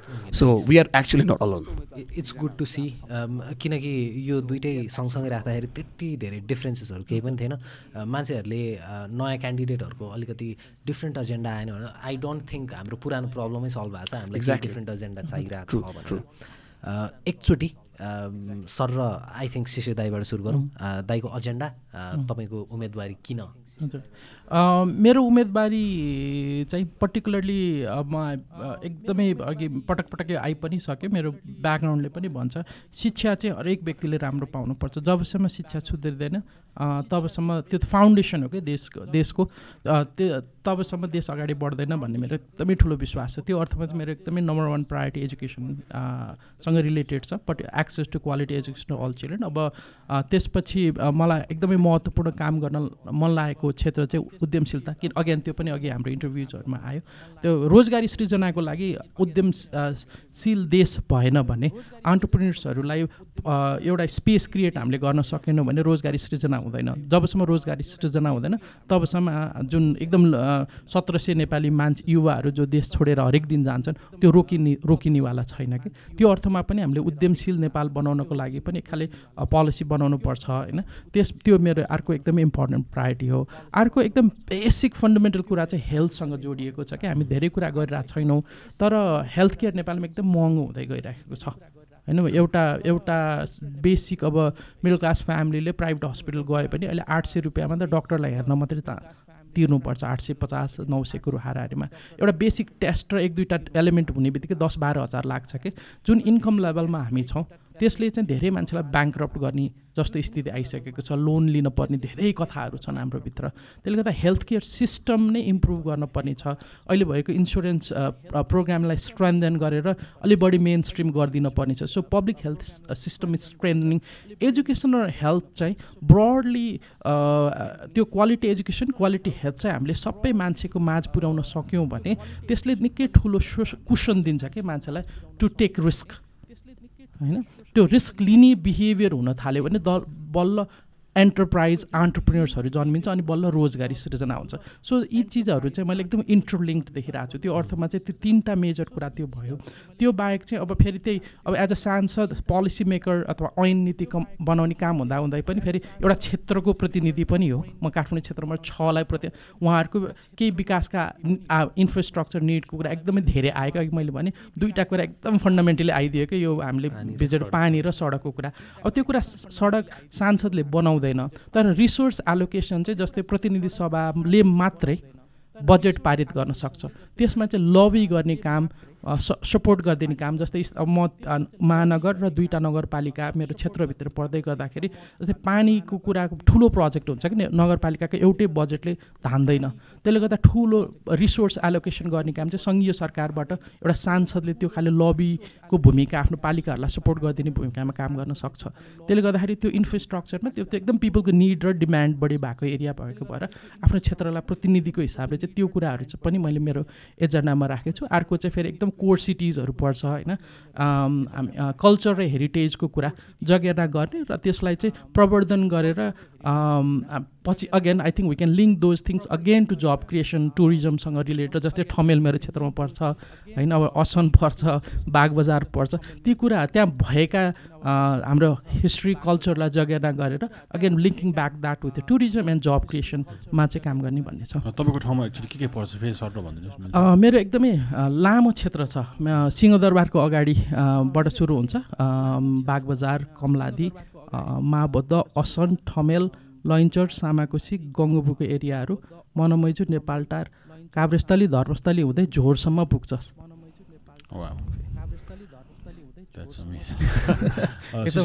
म म अहिले अझै अलिकति क्वेसन थप्नु खोजेँ किनभने मलाई धेरै रिक्वेस्ट आएको थियो। इफ यु गाइज रिमेम्बर हामी पहिला एउटा टिच फर नेपाल भन्ने एउटा संस्थाको लागि हामी भिडियो बनाउनु गएको थियौँ। त्यसले चाहिँ के गर्छ भन्दाखेरि स्टुडेन्ट्सहरूलाई के अरे टिचर्सहरूलाई जो चाहिँ अब कोही बाहिर पढेर आउनुसक्छ अरू कोही पढेर उहाँलाई टिचिङ गर्न मन लागेको छ भने कुनै गाउँमा गएर they spend two years two years two years of the life paid पनि हुन्छ। अनि एउटा एकदम राम्रो एक्सपिरियन्स लिएर आउँछ। त्यसको लागि हामी एक दुई दिन मात्रै गएर अलिकति एक्सचेन्ज अफ आइडियाज गर्न पाएको थियो र त्यो एकदमै राम्रो एक्सपिरियन्स थियो। हजुरलाई अझै मजाले चिन्न किनकि I maybe this is something जुन चाहिँ तपाईँले अब क्यापिटलाइज गर्न खोजिरह भएको छैन होला धेरै तर त्यो भन्नुभयो भने मान्छेलाई धेरै विश्वास हुन्छ कि यो मान्छेले साँच्चै गरिरहेको छ किनकि मेरो लागि teach for Nepal is one of the most beautiful ideas ever यसको बरु सानो आई थिङ्क तपाईँले त कतिचोटि कुरा गरिसक्नु पर्यो अरूसँग। अनि आई थिङ्क नेपाली फन्डमा नै चल्नु खोज्छ जस्तो लागिसकेसम्म। सो यसको बारेमा तपाईँले अलिकति भनिदिएर तपाईँलाई कहाँबाट आइडिया आयो? कसरी सुरु यसो सानो स्टोरी तपाईँले अलिकति संक्षिप्त रूपमा भन्न सक्नुभयो भने आई थिङ्क अडियन्स अझ तपाईँसँग कनेक्ट हुनुहुन्छ। म युएसमा मास्टर्स गरिसकेपछि अलिकति ब्याक स्टोरी पनि जोड्छु त्यो आइडिया कताबाट आयो भन्ने कुरा। गर्ने बित्तिकै म श्रीलङ्का बेस्ड एउटा सर्वोदय अभियान भन्ने महात्मा गान्धीको दर्शनमा आधारित अभियानसँग जोडिन पुगेँ अनि पोस्ट सुनामी रिकन्स्ट्रक्सन रिहेबिलिटेसन र त्यो पोस्ट वारको कन्टेक्स्ट पनि थियो। पिस अनि पोस्ट वार कन्टेक्स्टमा धेरै काम गर्दै। अनि त्यो गान्धीयन आइडिया भएको भएर नेपालमा पनि फेरि टु थाउजन्ड सिक्स सेभेन पछि त्यो एक किसिमको पिसको एउटा पोस्ट वार कन्टेक्स्टमा पनि नेपाल काम गर्दै थियो। अनि सर्वोदयको ब्युटी चाहिँ के थियो भने एकदमै त्यो स्वराज गा महात्मा गान्धीले चाहिँ सेल्फ रुलको आइडेन्टिटीलाई चाहिँ कसरी ब्रेकडाउन कसरी त्यो ऊ उ इम्प्लिमेन्ट गरेको थियो भने श्रमदान भन्ने आइडिया थियो कि। सो कम्युनिटी नेपा नेपाल अथवा श्रीलङ्का जस्तो डेभलपिङ कम्युनिटिजहरूमा चाहिँ एक्सेस टु क्यापिटल हुँदैन रिसोर्स धेरै हुँदैन। तर हामीसँग आफ्नै लोकल स्रो श्रम र सिप हुन्छ। त्यसलाई नै हामीले एकदमै बढी क्यापिटललाई मात्रै एकदम बढी जोड दियो भने कम्युनिटी डेभलपमेन्टमा त्यसले चाहिँ डिपेन्डेन्सी बढाउँछ। कि झन् एउटा गाउँमा त धेरै पैसा हुँदैन नि त। अनि विकास गर्नलाई पैसै मात्रै चाहिन्छ भनिदियो भने त त्यो मान्छे गरिबी बढी फिल गर्छ कि उसले। अनि ऊ बढी चाहिँ त्यो आफ्नो सेल्फ कन्फिडेन्स लुज गर्छ। यदि साँच्चै नै त्यो भित्रैदेखि त्यो कम्युनिटीलाई आत्मनिर्भर बनाउन सकियो भने त्यो आफ्नै इम्पावरमेन्टले चाहिँ कम्युनिटी चेन्ज हुन थाल्छ। अनि त्यसमा चाहिँ हामीले श्रमदान भनेको कम्युनिटीमा जे छ त्यही कुरालाई श्रम र सिपलाई प्रयोग गरेर कम्यु अब स्कुल बनाउने बाटो बनाउने जे बनाउने चाहिँ गर्न सकिन्छ भन्ने आइडियाबाट नाइन्टिन फिफ्टी एटमा एउटा स्कुल टिचरले सुरु गरेको मुभमेन्ट थियो कि। त्यो मुभमेन्टमा आइडि आबद्ध भइसकेपछि मलाई यस्तै काम त नेपालमा नि गर्नुपर्छ भन्ने लागेर नेपालको नेपालमा हामीले काम गर्न थाल्यौँ। अनि त्यसमा चाहिँ हामीले गाउँ गाउँमा गएर श्रम श्रमदानहरू मात्रै गर्थ्यौँ कि नेपाली युथहरूसँग मिलेर प्लस टू ब्याचलर्स पढ्ने युथहरूसँग मिलेर। अनि त्यो काम गर्ने क्रममा चाहिँ त्यो सुरु सुरुमा चाहिँ मान्छेहरूले त्यो आइडिया हामी म मलाई एकदम अर्लियर मेरो मेमोरी चाहिँ नेपालको गाउँहरूमा काम गर्दै जान्छु भन्दाखेरि सुरुमा मलाई आउने प्रश्नहरू कस्तो हुन्थ्यो भने अब यो अब दुइटा के त्यो एकदम इन्ट्रेस्टिङ लाग्थ्यो मलाई त्यो टु थाउजन्ड एट नाइनतिरको। गाउँमा गएँ अनि सर बजेट फर्स्ट क्वेसन नै बजेट कति छ भन्नुहुन्थ्यो कि? अनि मलाई रमाइलो लाग्थ्यो। म त फेरि एकदम त्यति बेला भर्खर पढेर सकाएको यस्तै यस्तै चिज पढेँ कि बजेट सजेट प्रोजेक्ट भनेर धेरै ठुलो लाग्थ्यो कि मलाई चाहिँ। अनि गाउँमा मान्छेले कसरी यस्तो कुरा गरिरहेछ भनेर मैले अलिकति त्यसलाई एनालाइज गर्दाखेरि नेपालको डेभलपमेन्टमा एनजिओहरूको नाइन्टिन नाइन्टी एट्टिज पछिको जुन एनजिओ मुभमेन्टहरू आयो त्यसले चाहिँ सबै कुरा गाउँमा लाँदा चाहिँ प्रोजेक्टको फर्ममा मात्रै लाँदो रहेछ कि। प्रोजेक्ट इम्प्लिमेन्ट मात्रै गर्न जाँदो रहेछ। अनि त्यसले गर्दा मान्छेहरू एकदम डिपेन्डेन्ट टु प्रोजेक्ट्सहरू भइसकेको रहेछ। अनि आफै केही गरौँ भन्दा नमानिदिने कि बजेट चाहिन्छ सर भनिदिने कि? अनि अनि त्यो कुरा चाहिँ अब त्यसलाई कसरी ब्रेक गर्ने भने गाउँमै श्रमदान गऱ्यो भने श्रमदान गर्नु पऱ्यो भने नि फेरि बजेट कति छ भनेको भत्ता कति आउँछ भन्ने कुरा आउन थाल्ने सो देन अब त्यसलाई त ब्रेक थ्रु अब त्यो चिर्नु पऱ्यो त्यो आइडेन्टिटीलाई भनेर what we started do is we wish to raise money के जस्तै पैसा त चाहिन्छ नि केही गर्न खाजै खानु त पैसा चाहिन्छ नि। हामी भाटबटिनमा कार वास गर्थ्यौँ। पानीपुरी बेच्थ्यौँ त्यही पैसाहरू लिएर काठमाडौँको राम्रो अप्पर मिडल क्लास पढाउने स्कुल्सको बच्चाहरू अथवा कलेजको बच्चाहरू स्टुडेन्टहरू लिएर हामी गाउँ गाउँमा जान्थ्यौँ। अनि अनि एक्चुअली फिजिकली ले म आफै लगायत हाम्रो टिम सगत सबैले गाउँलेहरूलाई इन्भाइट गरेर श्रमदान गर्थ्यौँ स्कुलहरू बाटोहरू बनाउने कामहरू गर्थ्यौँ। अनि त्यसपछि मैले त्यसलाई युज गरेर के भन्न थाल्यो भने हेर्नुहोस् यो बच्चा धनी छ घरमा गाडी छ होइन तर यो मान्छेले दिनभरि कार वास गरेर फन्ड रेज गरेको पैसाले यो यसले यो मटेरियल हामीले किनेको हामीले कुनै डलर अथवा युरो ल्याएर गरेको होइन। यदि यो यस्तो मान्छेले चाहिँ एउटा गाउँमा आएर गर्न सक्छ भने हामी आफ्नै गाउँको लागि किन केही नगर्ने? भन्ने आइडियाबाट चाहिँ हामीले हजारौँ युथहरूसँग काम गरेर गाउँ गाउँमा त्यो गऱ्यौँ। त्यो गर्ने क्रममा चाहिँ अनि त्यसपछि डिपर रिलेसनसिपहरू फर्म भयो कि गाउँमा मेरो। त्यसपछि चाहिँ सुरु सुरुमा तपाईँहरूको गाउँमा के छ निड भनेर टेक्निकली सोधेमा तिन बान्ना एन्सर आउने के? यो पनि चाहिएको छ त्यो पनि चाहिएको छ होइन? अनि पछि डिपर रिलेसनसिपहरू फर्म हुँदैपछि डिप हामी गाउँमै बस्थ्यौँ फेरि। अनि डिप अनि मान्छेहरूले धेरै शिक्षाको कुरा गर्न थाल्नुभयो। अनि मलाई एउटा पर्टिकुलर इन्सिडेन्ट याद छ। एकजना भाइ त्यति बेला बाइस वर्षको हुनुहुन्थ्यो मैले धेरैचोटि यो कथा भनेको पनि छु। भाइले मलाई के भन्नुभयो भने दाइ म बाइस वर्षको भएँ। म सानै हुँदा मैले पाँच क्लास मात्रै पढ्न पाएँ। किनभने गरिबीको कारणले म स्कुल टाढा थियो। बरु काम गर्छु मेरो भाइ बहिनीलाई पढाउँछु भनेर म स्कुल गइनँ। तर मेरो छोरी अब पाँच वर्षको भई उसलाई स्कुल राख्न जानु छ। उसको भविष्य के हुन्छ होला दाइ भनेर सोध्यो कि? अनि नोइङ नेपालको public school education system I didn't have a confidence to tell him that बाबु स्कुल पठाउ बवाल भइहाल्छ नि। स्कुलै पठाउँथ्यो भन्ने मलाई आँट आएन। त्यसपछि देन ओहो जुन भाइसँग म जसको घरमा बस्छु जसको घरमा म खान्छु उसले पढ्न त पाएन। ऊ मभन्दा यङ्गर थियो हो मान्छे। म चाहिँ ग्लोबल एजुकेसन लिएर गाउँ नेपालको गाउँ गाउँमा काम गर्ने। म कहाँबाट आएँ त भनेर I look back and I realise that lot of this was my privilege होइन म बाहुन भएर जन्मेँ म केटा भएर जन्मेँ मेरो बुवा सरकारी कर्मचारी हुनुहुन्थ्यो त्यसको कारणले गर्दाखेरि मलाई सानैदेखि प्राइभेट स्कुल राखिदिनु भयो। त्यसले मैले जे पाएँ मैले जे गरेँ भनेर मैले घमण्ड गरेँ त्यो त मेरो प्रिभिलेजले पो मलाई दिएको रहेछ त। तर म म दसौँ लाख पचासौँ लाख नेपाली बच्चाहरू छन् जोसँग म जस्तो प्रिभिलेज छैन। There what do we do भनेपछि देन हामीले हेर्दै गर्दाखेरि फन्डामेन्टली एउटा major issue quickly what we could solve जस्तो लाग्यो भने म जस्तो प्रिभिलेज भएको नेपाली युथहरू किन गाउँ गाउँमा नजाने मैले एउटा गाउँ बनाउँदैछु भने सयवटा गाउँ बनाउन त सयौँ युवालाई हामीले गाउँ गाउँ पठाउन सक्यौँ भने अनि हुन्छ भन्ने हिसाबले चाहिँ हामीले टिच नेपालको आइडिया त्यहाँबाट आयो कि? अनि किनभने त्यसमा चाहिँ म्याथ साइन्स इङ्ग्लिसमा एकदमै धेरै प्रब्लम थियो पब्लिक स्कुल एजुकेसनमा टिचरै नपाउने गाउँ गाउँमा धेरैले त्यही भन्ने। हाम हामी कहाँ टिचर पठाइदिनु न हामीले खोजेर ल्याउँदा नि टिचरै टिक्दैन। झुटो बोलेर ल्याउनु पर्छ ललितपुरकै गाउँहरूमा त्यस्तो भन्नुहुन्थ्यो कि अनि दुई तिन दिन अब नजिकै छ ललितपुर भने त मान्छेको दिमागमा एकदम नजिकै छ भन्ने हुन्छ। एकदम दुर्गम भागहरू पनि छ ललितपुरमा। अनि झुटो बोलेर टिचर टिचर ल्यायो दुई तिन महिनामा भागिहाल्छ। त्यो रिमोटनेसले गर्दाखेरि। त्यस्तो अवस्थाबाट चिर्न चाहिँ then we said okay let's invite Nepali young people to serve the nation हामीले अनि what if your first job changing the nation पनि भन्यो टिच नेपालको स्लोगन पनि त्यसको रूपमा इमर्ज भयो। त्यसपछि we x really talented Nepali young people to go and to the community and serve for two years त्यसको दुईवटा कुरा हामीले राखेका थियौँ।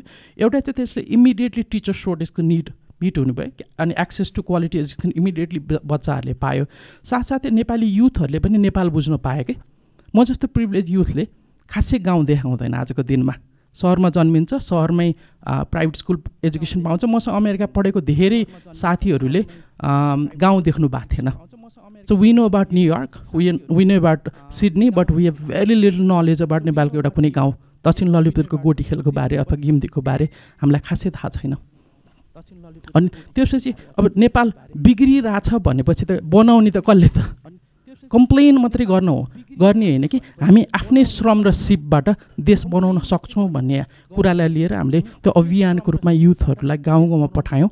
अब दसौँ यो दस वर्षको बिचमा झन्डै पाँच सय भन्दा बढी नेपाली युथहरूले गएर गाउँ गाउँमा पढाउनु भयो। साठी हजारभन्दा बढी केटाकेटीलाई एक्सेस टु क्वालिटी एजुकेसन दियौँ। त्यसबाट फेरि नयाँ अरू इनिसिएटिभहरू जन्मिया छन् कि टिचु नेपालको अलमनाईहरूले पनि थुप्रै नयाँ एजुकेसन इनिसिएटिभ्सहरू लिड गरिराख्नु भएको छ। टिचु नेपालको अलम फेलोजहरूले पढाएको विद्यार्थीहरू काठमाडौँमा अथवा काठमाडौँ विदेशमा पनि पढिराख्नु भएको छ आजको दिनमा।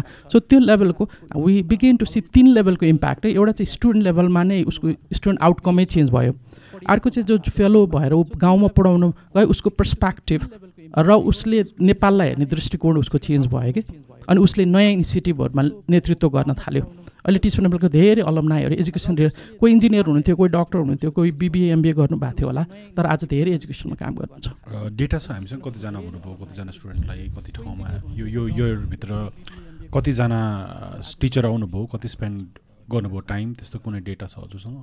झन्डै यो अब दस वर्षको बिचमा झन्डै पाँच सय जस्तो युथहरूले एक्टिभली काम गर्नुभयो। Five hundred five hundred into two years हजुर टु इयर्स भनेको थाउजन्ड इयर्स थाउजन्ड इयर्सको काम भयो।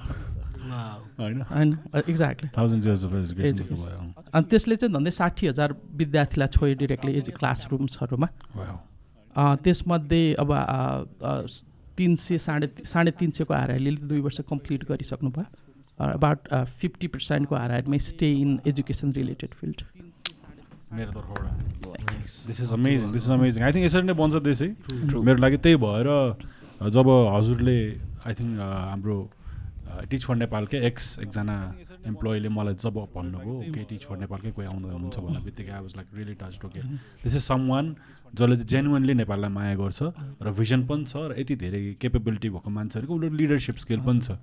मलाई खालि तपाईँकोबाट एउटा चाहिँ मेन स्ट्रिममा अझ यहाँ त कतिजनाले लेखिरहेको थियो कि? सुरजको बारेमा त यहाँ एकदम धेरै आइरहेको रहेछ शिशोदाईको बारेमा चाहिँ मेबी अलिकति अझै मेन स्ट्रिममा आउनुपर्छ। मेबी समटाइम्स मान्छे राम्रो हुन्छ तर अलिकति त्यो अग्रेसिभ नदेखेर काम देखेर पनि कहिले काहीँ घाटा परिदिन्छ। त्यो मात्रै होला। म अब सुरजकोमा जान्छु होइन। I think a lot of people are voting for you man is lot है अब छब्बिस वर्षको मान्छेले के गर्न सक्यो भने आई थिङ्क म त हाम्रो यो प्लेटफर्ममा त सकेसम्म अलिकति मेन स्ट्रिम पोलिटिसियन्स भन्दा नि हामीले लगभग अलि न्यू यङ एनर्जीलाई जिताउन खोजिरहेछौँ अन्डर डग्सहरू जुन चाहिँ अहिले जसकोमा चाहिँ एक्चुअली केपेबिलिटी छ। So I think people want to listen to your कोभिडको आई थिङ्क कतिवटा बेड अरू समथिङ के को डेटाहरू आइरहेको थियो कि यहाँ? धेरै छ है। अनि मे आफ्नो क्रेडिबिलिटी राख्नको लागि मेबी संक्षिप्तमा तपाईँ पनि कसरी भयो यो के हो? आई थिङ्क इम्प्याक्ट गर्नुभएको। आई थिङ्क कोभिड कनेक्ट नेपालमा तपाईँले सबभन्दा कनेक्ट कनेक्ट नै गर्नु खोज सक्नुभयो एक्चुली नै। के के के फेजले ट्रिगर गरेर यो यो इनिसिएसन सुरु भयो? कति गर्नुभयो र त्यसको डेटा मिल्छ भने त्यो पनि सुनौँ सबैजनाले। वेल मलाई चाहिँ के लाग्छ भन्दाखेरि नेपालमा म आफै पनि पर्सनली म भुइँचालोको टाइमदेखि सेभेन्टिन इयर्स एट साढे सत्र वर्ष हुँदाखेरि म भुइँचालोमा एक्टिभली काम गरेँ मान्छे होइन?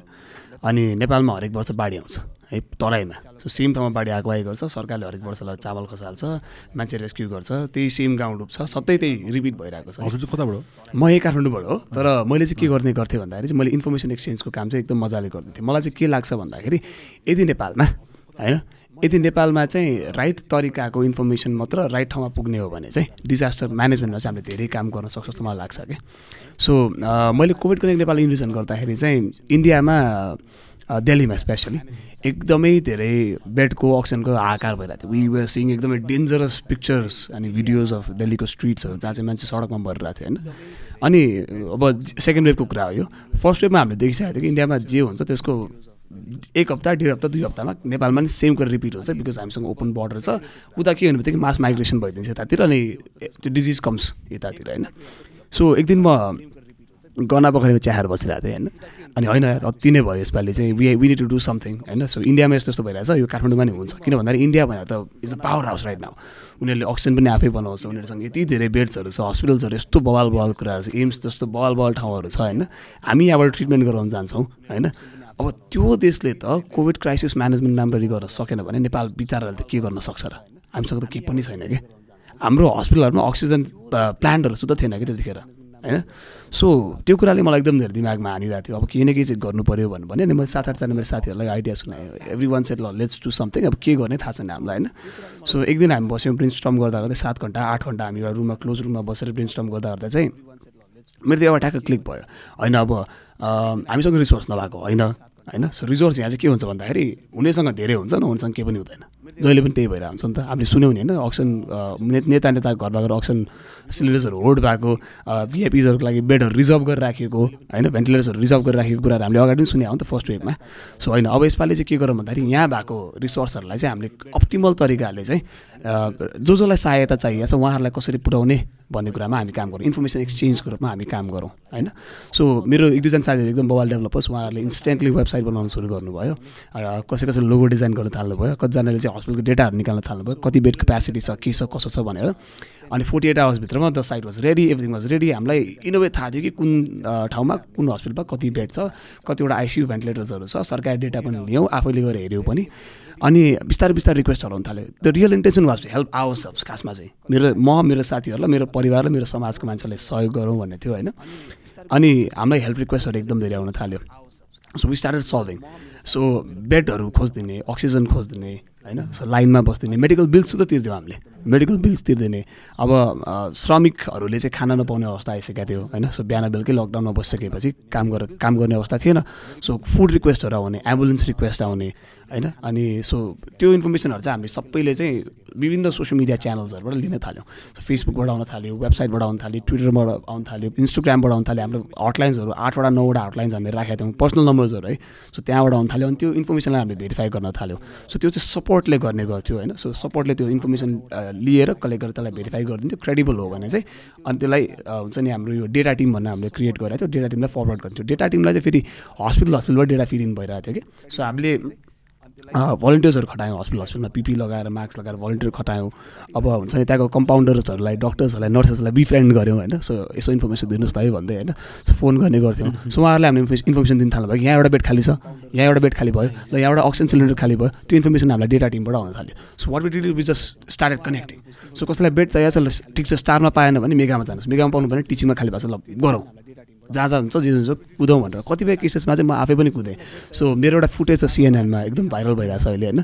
सो सिएनएनले हाम्रो वर्क कभर गरिरहेको छ so were pick by CNN अनि म चाहिँ त्यहाँ पिपी लगाएर आफै आइसियु छिरिरहेको छु क्या। होइन सो कोभिड वार्डमा छिरेर एउटा एउटा बेड पत्ता लगाएर फोन गरिदिएर यहाँ एउटा बेड खाल्छ लिएर आइहाल पेसेन्टलाई भन्नु पेसेन्ट किनभने कि त एम्बुलेन्समा आउँथ्यो कि त कहीँ थटपटेर बसिरहेको हुन्थ्यो होइन। सो त्यो इन्फर्मेसन एक्सचेन्जको काम हामीले गऱ्यौँ।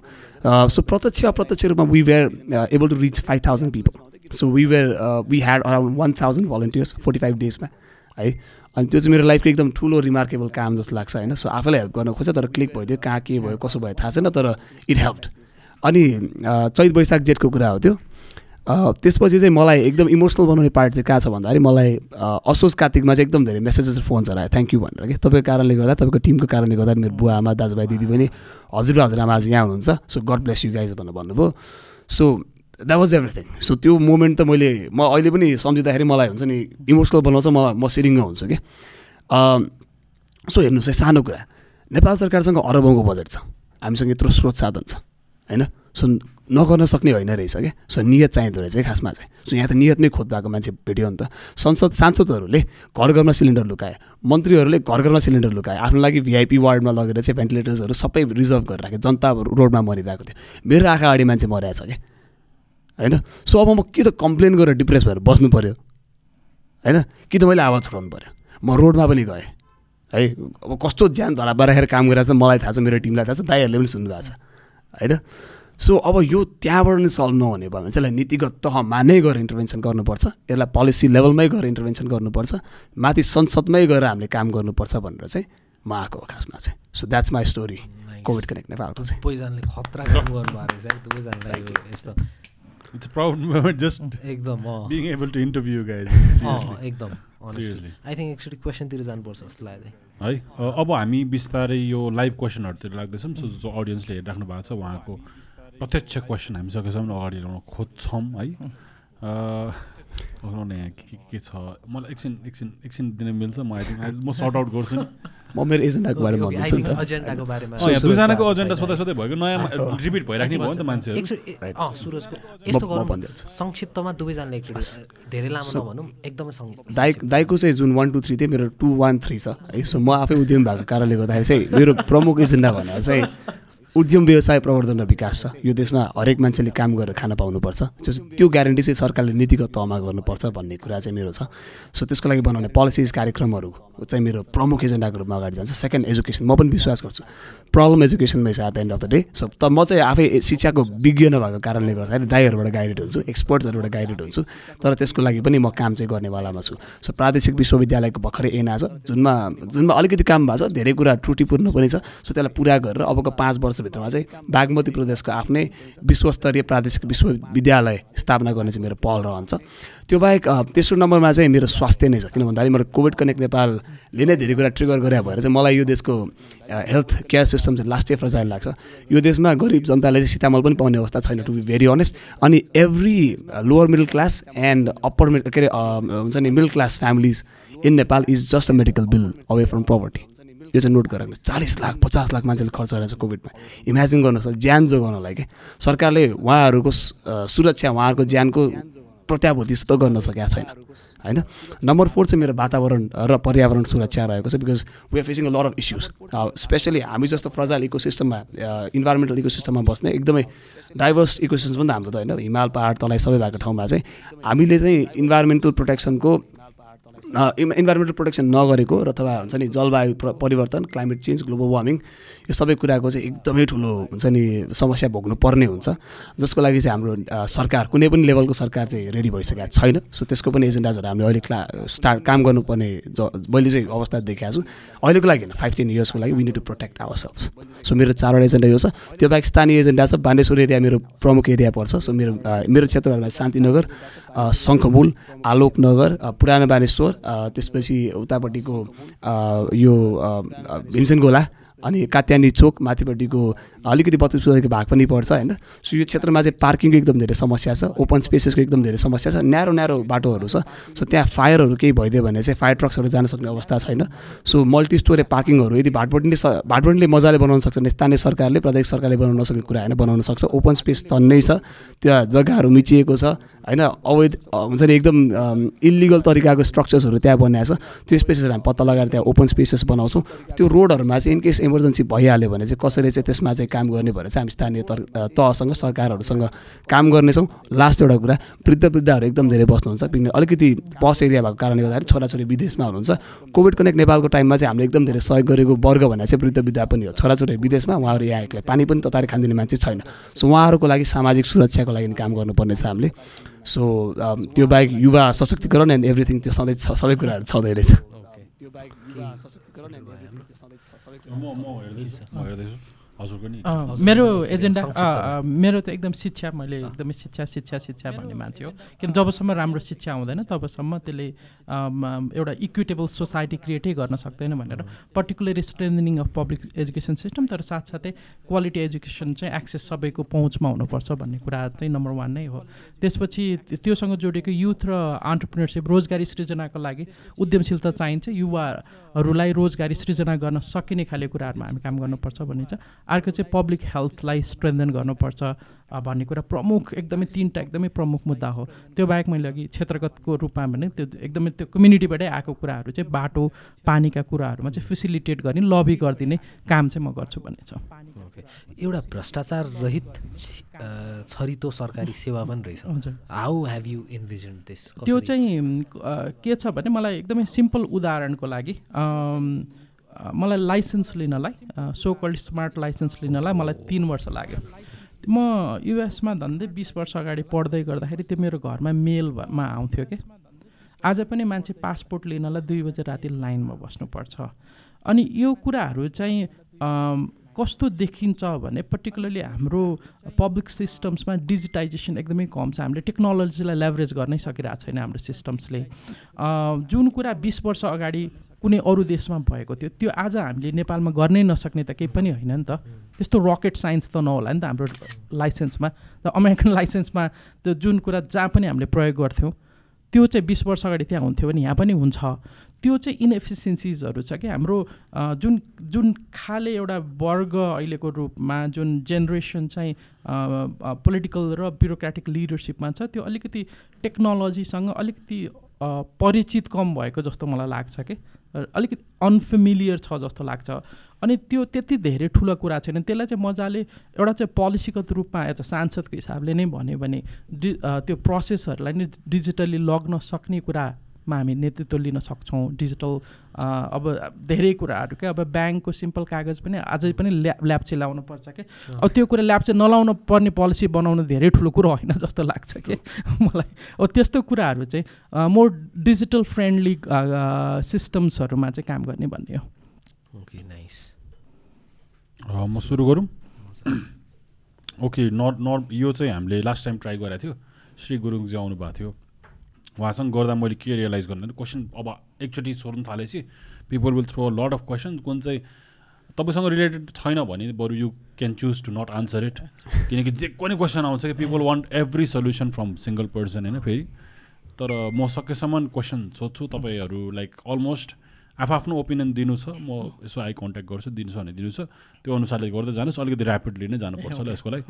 यो चाहिँ काइन्ड अफ पिपल टेस्टिङ यो गाइज तपाईँहरूले कसरी विचार तपाईँको इन्स्टिङ कसरी काम गर्दो रहेछ भने जस्तो भइदिन्छ जस्तै हाम्रो यस्तै कुरा गर्दाखेरि।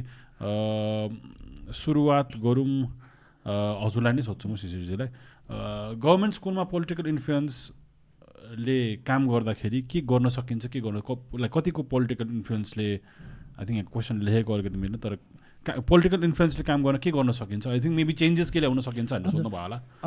पोलिटिकल इन्फ्लुएन्स धेरै छ त्यसलाई कम गर्नुपर्छ भन्ने आजको दिनमा चाहिँ होइन। जताततै पोलिटिक्स छ झन् अघि मैले भन्दै थिएँ नि विद्यालय स्कुल म्यानेजमेन्ट कमिटीमा पनि भागभण्डामा कुन पार्टीको कतिजना मान्छे भन्ने हुन्छ टिचरहरू सबै ट्रेड युनियन सबै पार्टीको सङ्गठनहरू हो भातृ सङ्गठन भएको भएर इन्डिरेक्टली सबै पार्टीको क्याडरहरू हो त्यसलाई पनि त्यो प्रक्रियामा पनि हामीले चेन्ज ल्याउनुपर्छ। ट्रेड युनियन चाहिन्छ हकेतको लागि टिचर्सहरूको चाहिन्छ तर त्यो पार्टीको सदस्य हुन हुँदैन। त्यस्तो कुराहरू चाहिँ हामीले ब्रेक गर्न सक्यौँ भने त्यो त्यसको के अकाउन्टेबिलिटीसँग जोडिँदो रहेछ कि एउटा टिचरले केही खराब काम गर्यो त्यसलाई कारवाही गर्ने निकायमा चाहिँ पोलिटिकल लिडरसिप हुन्छ।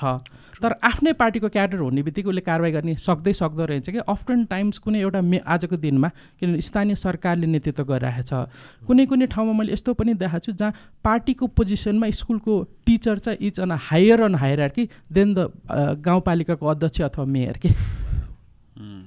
त्यो कुराहरू चाहिँ चेन्ज गर्नुपर्ने नै छ। ओके सुरजलाई होइन? हजुर। अ, तपाईँ अन्टरप्रिनर हो तर पाँच वर्षमा चालिस लाख कमाउन जागिर खान सांसद किन बन्ने?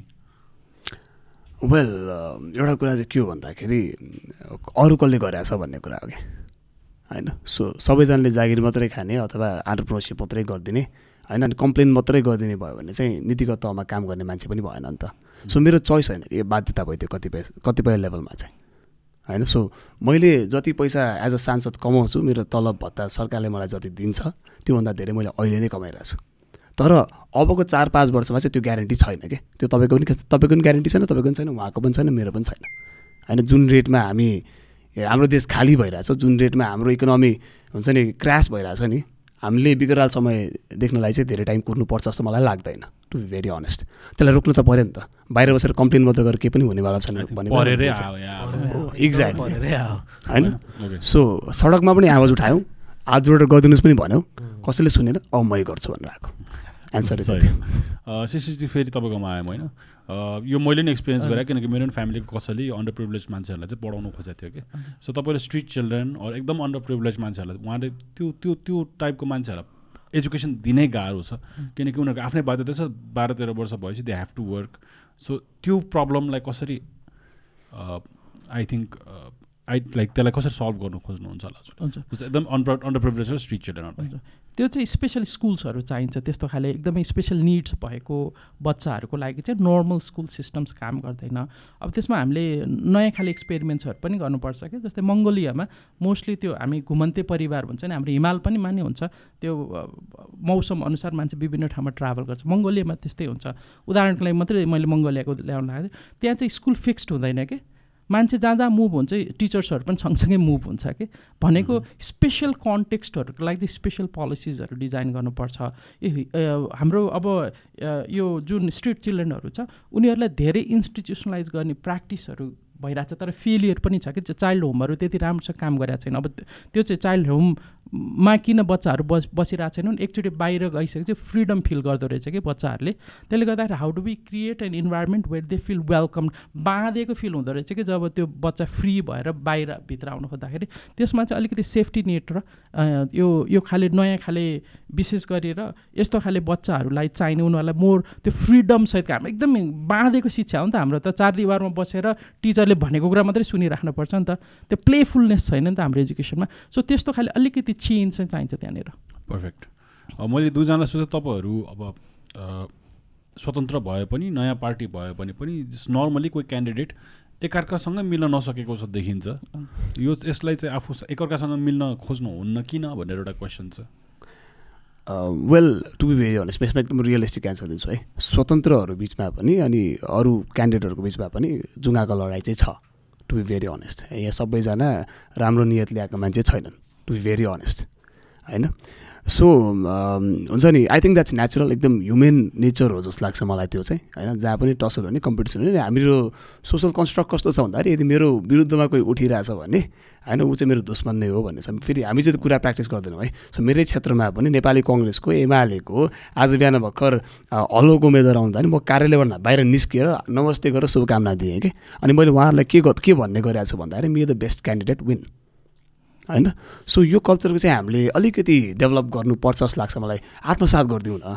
होइन? के भएर उहाँहरू आफ्नो पर्सपेक्टिभ लिएर उठ्नु भएको छ आफ्नो एजेन्डा लिएर उठ्नु भएको छ आफ्नो ब्यानरमा उठ्नु भएको छ। म आफ्नो तरिकाले उठ्याएको छु। होइन? तर at the end of the day के हुन्छ भन्दाखेरि सोसल कन्स्ट्रक्ट चाहिँ अलिकति इगो राख्नेवाला अलिकति हेयर दृष्टिले हेर्ने खालको पनि छ। होइन? त्यस त्यसरी म अब नकाट्दिनँ पनि होइन? तर हामीले चाहिँ आत्मसात गरिदिनुपर्छ। फेयर प्ले गरौँ न। होइन?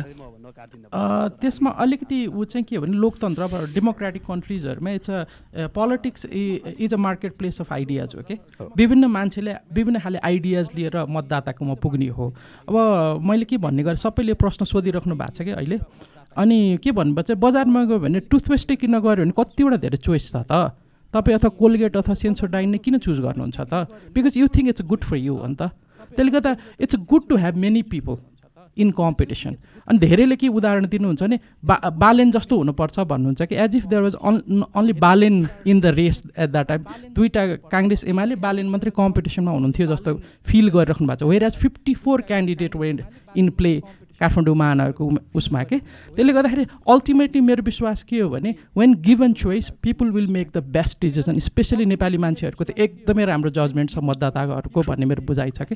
त्यसले गर्दा having lot of candidate is not a bad thing it's a good thing that gives us freedom to Congress र एमालेको अथवा माओवादीको मात्रै उम्मेदवार भए भए हामी कति फ्रस्ट्रेट हुन्थ्यो होला क्या आजको दिनमा? आजको दिनमा त कस्तो राम्रो राम्रो वैकल्पिक उम्मेदवारहरू हाम्रो माझ हुनुहुन्छ नि त। So as a people I think we should rejoice that that that so many people have now good choices I think यसपालि एकदम इन्ट्रेस्टिङ कुरा भएको छ। तपाईँहरू धेरैजना उठ्नु भएको छ स्वतन्त्रहरू अथवा राम्रो मान्छेहरू भन्नु भन्नु भएको छ। मेरो एन्सर चाहिँ के छ भन्दाखेरि पहिला पहिला नराम्रो नराम्रो एउटा कम नराम्रोलाई चुज गरेर भोट हाल्नु पर्थ्यो। यसपालि राम्रै राम्रा छन्। बेस्टलाई भोट हालिदिनुहोस् न भनेर भनेको छौँ क्या हामीले चाहिँ होइन? सो दाइले भन्नुभएको जस्तै it's a beauty of democracy पनि खासमा। एउटा कुरा एड गरेँ ल यसमा चाहिँ मैले। जस्तै मैले एरिया नम्बर यो कति हो? पाँच जस्तो लाग्यो। पाँचमा ट्वेन्टी नाइन क्यान्डिडेट्सहरू हुनु रहेछ वानमा थर्टी सिक्स हुनुहुन्छ। मेरो छमा चौबिसजना ओके। त्यसमा त्यसमा चाहिँ चौधजना स्वतन्त्र हुनुहुन्न रहेछ कि अनि त्यसपछि मैले as a normal person analyse गर्दाखेरि चाहिँ वाट इफ यो चौधजना at the end of the day स्वतन्त्र उठ्नु भनेको they sending out a message ल तपाईँहरू पुग्यो है भनेर। How about those fourteen people कै सङ्गठन बन्यो? अनि त्यसपछि त्यहाँबाट एकजनाले एकजनालाई उठाउनु भयो उहाँहरूले होइन? एकजनालाई मात्र गर्नुभयो रिप्रेजेन्ट अल अफ अस भनेर। अनि how about they support all of them and the chances are winning chances of winning is एकदमै म्याक्सिमम् वेल यो ट्राई भएको खासमा है? सो हामी इलेक्सनभन्दा अगाडि सिसी दाईलाई थाहा छ मलाई थाहा छ we we held lot of meetings धेरैजनासँग बस्यौँ। योभन्दा धेरै ग्रुप थियो। सबैजना उठ्दै भए त पिजोगे हुन्थ्यो होइन? हजार भोट बाह्र सय भोट ल्याएर मान्छेले जितिन्थ्यो यसपालि है? सो त्यो प्र्याक्टिस पनि गरे हो। तर अब मैले अघि फेरि पनि भने नि इन्डिभिजुअल आइडियाज होइन? सो दाइले पनि भन्नुभयो पर्सपेक्टिभ्स होइन? सो जुङ्गाको लडाइँ पनि छ एक लेभलमा है?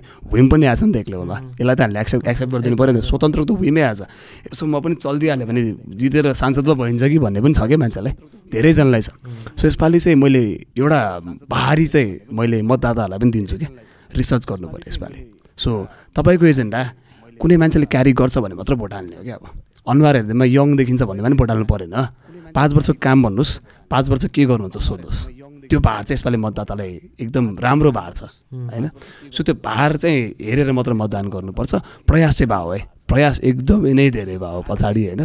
तर अनफर्चुनेटली हुन्छ नि इगो आयो। अभियसली नि हजुर। यस्तो हुन्छ कि फेरि? अब नजान्ने मान्छेको बिचमा अलिक अर्कै खालको इगो आउला मेरो पछाडि को छ। अब मेबी यो लहर नयाँ आइरहेको छ नि यसको बिचमा चाहिँ मेबी इन्टेलेक्चुअल डिस्प्युट्स धेरै हुने चान्सेस छ। ताकि मेरो पछाडि एकजना मान्छे नभए पनि पनि धेरैजना राइट पनि हो कि फेरि। एउटै काम गर्ने तरिका त सय थरी हुन्छ नि त। डेफिनेटली सो त्यो पोलिटिक्समा अर्को एलिमेन्ट चाहिँ आइडियोलोजीको पनि हुन्छ क्या। पोलिटिक्स इज अबाउट पोलिसी भोलि के बनाउने भन्ने कुरा म आइ के आइडियोलोजी बोकेको छु भन्ने कुराले एकदमै डिटरमाइन गरिराखेको हुन्छ। हामी अहिलेसम्म त्यो इस्यु बेस पोलिटिक्स नभएको भएर त्यो कन्भर्सेसनमा हामी खासै छिरेका छैनौँ कि त्यसले गर्दाखेरि मिल्ने भन्दै गर्दाखेरि के को आधारमा मिल्ने त? होइन एक्सट्रिम राइट आइडिया लिएर आएको मान्छे अथवा एक्सट्रिम लेफ्ट आइडिया लिएको मान्छेसँग म मिल्ने कि नमिल्ने भन्ने प्रश्न चाहिँ मैले एकदम सोध्नुपर्छ कि मेरो आफ्नै आइडियोलोजी के हो भन्ने कुरा। त्यो कुराले चाहिँ त्यो त्यसले गर्दा यो इगो मात्रै चाहिँ होइन कहिले कहिले फेरि आइडियोलोजीको डिफ्रेन्सेसहरू पनि एकदमै धेरै छ। होइन स्वतन्त्र भनेको चाहिँ it's not a uniform entity क्या अहिले सबैले के भन्नु? स्वतन्त्र स्वतन्त्र मिल्नुहोस् भन्ने छ कि? स्वतन्त्र जस्तो मिल्न गाह्रो सबभन्दा गाह्रो चिजै त्यही हो कि? किनभने ऊ आफै स्वतन्त्र भइसकेपछि त उसले एउटा विचार बोकेको छ क्या मेरो एउटा विचार छ तपाईँको हामी त्यति बेला मात्र मिल्छौँ पोलिटिक्समा जब हाम्रो विचार एउटै हुन्छ। तर यहाँ त सय थरी विचार भएको मान्छेहरू मैदानमा हुनुहुन्छ क्या त्यसले गर्दाखेरि अब म त्यही अहिले मैले भनेको जस्तो it's it's it's not necessarily a bad thing to have many candidates तर अल्टिमेटली मतदाताको जिम्मेवारी लोकतन्त्रमा सबभन्दा ठुलो हामीले पाँच वर्षमा निभाउने भूमिका नै यही हो नि त। हाम्रो इस्यु हाम्रो एजेन्डा हाम्रो आइडियोलोजी चाहिँ पोलिसीमा परिणत होस् भन्ने हो नि त।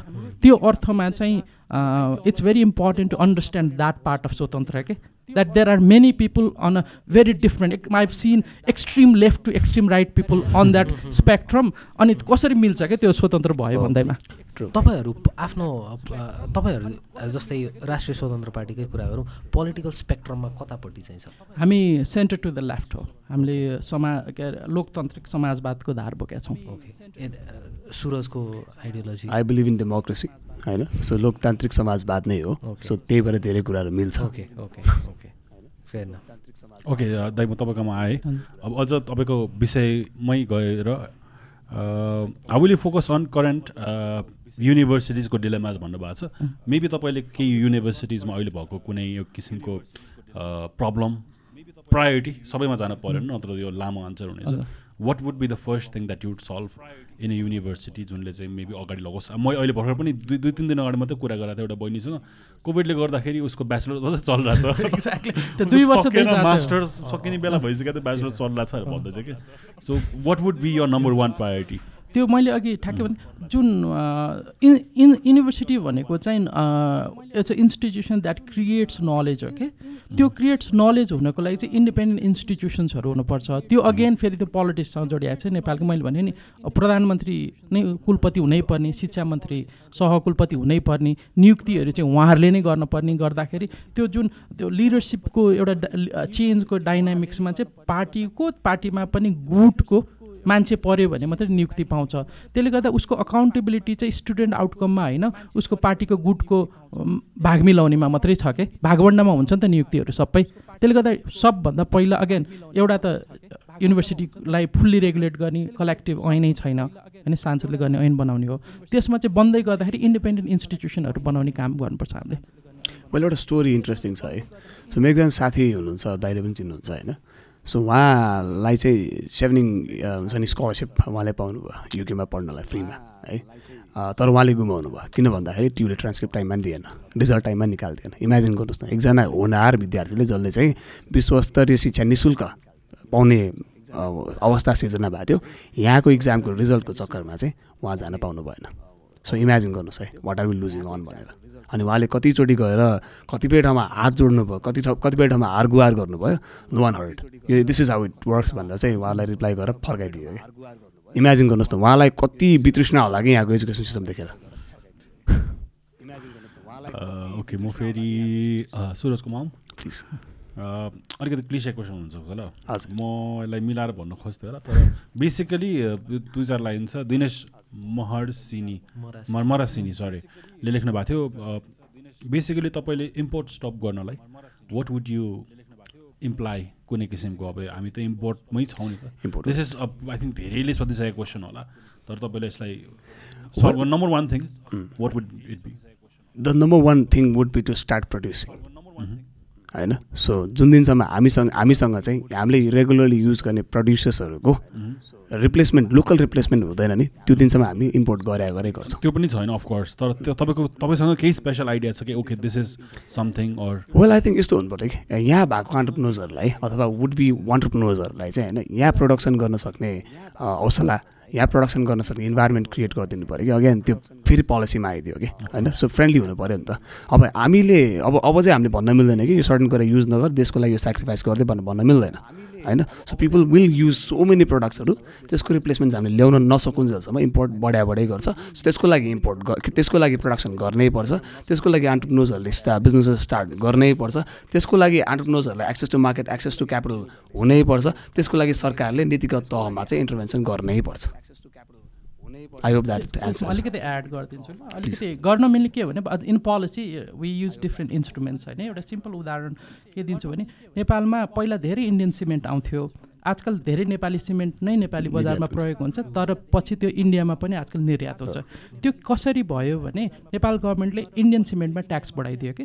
सो इन पोलिसी यो विक स्पेसली इम्पोर्ट एक्सपोर्टको कुराहरूमा चाहिँ ट्याक्सेसन र ड्युटी ट्याक्सेसन्सको कुराहरू युज गर्न मिल्छ कि? अब हामीले नेपालमा नै के कुरामा आत्मनिर्भर बन्न खोजेको कुराहरूमा चाहिँ हामी ट्याक्सको दायराहरूलाई घटबड गरेर चेन्ज गर्न गर्न सक्छौँ जस्तै एग्रिकल्चर प्रडक्ट्सहरूमा मजाले गर्न सकिन्छ कि? जस्तै आत्म एकदमै धेरै अब हामी कहाँ इन्डियन एग्रिकल्चर प्रडक्ट्सहरू छ हामी किन कम्पिट गर्न सक्दैनौँ भने हामीले सेम किसिमको त्यसमा हामीले कुनै बे धेरै कन्ट्रीले चाहिँ एग्रिकल्चरमा आफ्नो एग्रिकल्चर प्रोटेक्ट गर्न कि चाहिँ सब्सिडाइज गरिदिन्छ आफ्नो प्रडक्टहरूलाई कि चाहिँ इन्ट्री बेरियर हाई गर्नलाई ट्याक्स बढी लगाइदिन्छ कि विदेशी प्रडक्टहरूलाई हामीले त्यो इन्स्ट्रुमेन्टमा धेरै काम गरेका छैनौँ त्यो एउटा बाटो छ। साथसाथै अर्को चाहिँ जस्तै अब अलिकति यो इन्डस्ट्रियलाइजेसनको एक्सपिरियन्स हेऱ्यो भने इभन इस्ट एस- एसियन कन्ट्रिजहरूको डेभलपमेन्ट हेऱ्यो भने एसेम्ब्ली लाइनबाट सुरु भएको छ कि? होइन? त्यो एसेम्ब्ली लाइन इन्फ्रेस्ट बनाउनको लागि अहिले पनि हामी कहाँ एउटा कार इम्पोर्ट गर्नु अथवा एउटा मोटरसाइकल इम्पोर्ट गर्नु र मोटरसाइकल सामान इम्पोर्ट गर्नु बराबर ट्याक्स लाग्छ कि? So there is no incentive for a person to set up a factory कि यहाँ? ट्रु त्यसले गर्दाखेरि फ्याक्ट्री बनाएर त्यत्रो दुःख गरेर त्यसपछि लेबरको अनेक खाले पोलिटिकल टेन्सन बोक्ने कि? सिधै मोटरसाइकल ल्याएर बेचिदिने कि? किनभने if you're not given any incentive by the state त्यो कुराहरू चाहिँ पोलिसीले त्यसरी सल्भ गरिदिन सक्छ इम्पोर्टको कुराहरूमा चाहिँ। त्यो कुराहरू चाहिँ ओके फेरि शिशिरजीलाई नै भन्छु म। They are fifty five thousand teaching positions vacant in public schools is this true हो अनि यसलाई हाउ वुड यु रियाक्ट यस्तो केसमा? त्यसमा दुईवटा तरिका छ। म हामीले गरेकै उदाहरण दिन्छु। तुलसीपुर उपमहानगरपालिका दाङमा म शिक्षा सल्लाहकार भइसकेपछि हामीले अब शिक्षा के अरे टिचर सर्टेज छ भन्ने थाहा थियो। तुलसीपुर उपमहानगरपालिका जो एउटा भ्याली हो ठुलो भ्याली हो तर त्यस त्यसको केही पहाडी भेग पनि छ। त्यहाँ पनि तिन सय तेह्र टिचर सर्टेज थियो कि जस्तै मेयरको एजेन्डा नै क्वालिटी एजुकेसन भन्ने थियो। तर सबै स्कुलमा ठुलो स्कुलमा पनि सानो स्कुलमा पनि टिचर सर्टेज थियो कि तिन सय तेह्रवटा टिचर सर्टेज थियो।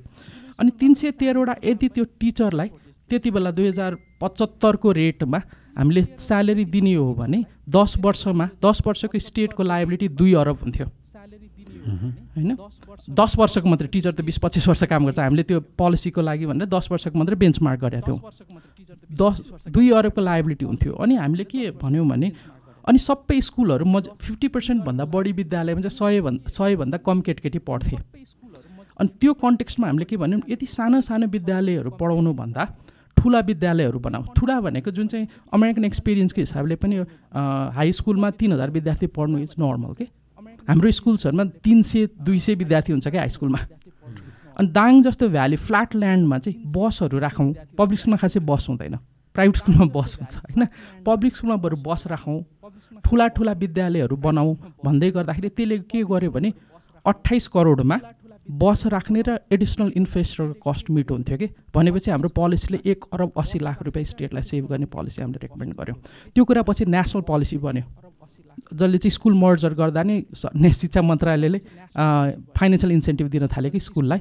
सो एउटा इमिडिएट भनेको टिचरको रिक्वायरमेन्ट घटाइदिने। स्कुल कम भएपछि त जति स्कुल कम भयो त्यति नै टिचर कम चाहियो नि त। त्यो अर्थमा एउटा चाहिँ आई थिङ्क फ्ल्याट ल्यान्डहरूमा चाहिँ बसहरूको व्यवस्था गरी स्कुल कम गर्ने तर विद्यार्थी सङ्ख्या ठुलो बनाउने। त्यसको दुई अरू एडिसनल फाइदा छ। फेरि टिचरमा मात्रै होइन।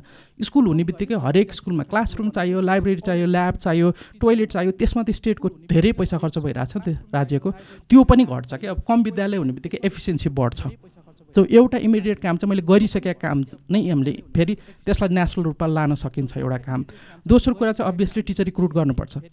अब त्यसपछि त्यो गरिसकेपछि एउटा अना नेसनल एनालिसिस गरिसकेपछि I think we can probably do in fifty पर्सेन्टभन्दा कमै घटाउन सकिन्छ होला कि। अनि त्यसमा चाहिँ I think we have to go and do some teacher recruitment अब हिमाली केसहरूमा पनि uh, तरिका छ जस्तै मल्टिग्रेड मल्टी टिचिङ भन्छ। कोलम्बियामा राम्रो एक्सपिरियन्स एक्सपेरिमेन्ट्सहरू भएको छ कि। थोरै विद्यार्थी भएको छ। पाँचजना चारजना विद्यार्थी छ भने त्यहाँ हरेक क्लासमा एक एकवटा टिचर राख्न त अच क्लास राख्न त गाह्रो हुन्छ नि त। त्यसले गर्दाखेरि विभिन्न उमेर समूहको केटाकेटीहरूलाई एकै ठाउँमा राखेर पढाउन सक्ने एक्सपिरियन्सहरू छ त्यो कम्युनिटीले एउटै राख्दो रहेछ। सबै ग्रेड वान टु टेन नै like kind of home schooling हजुर। त्यो होम स्कुलिङ जस्तो त अथवा प्राइमेरीलाई त्यस्तो गरे सेकेन्डरी स्कुल्सहरू चाहिँ चाइनाले धेरै गर्छ। यो चाहिँ where you do residential schools के?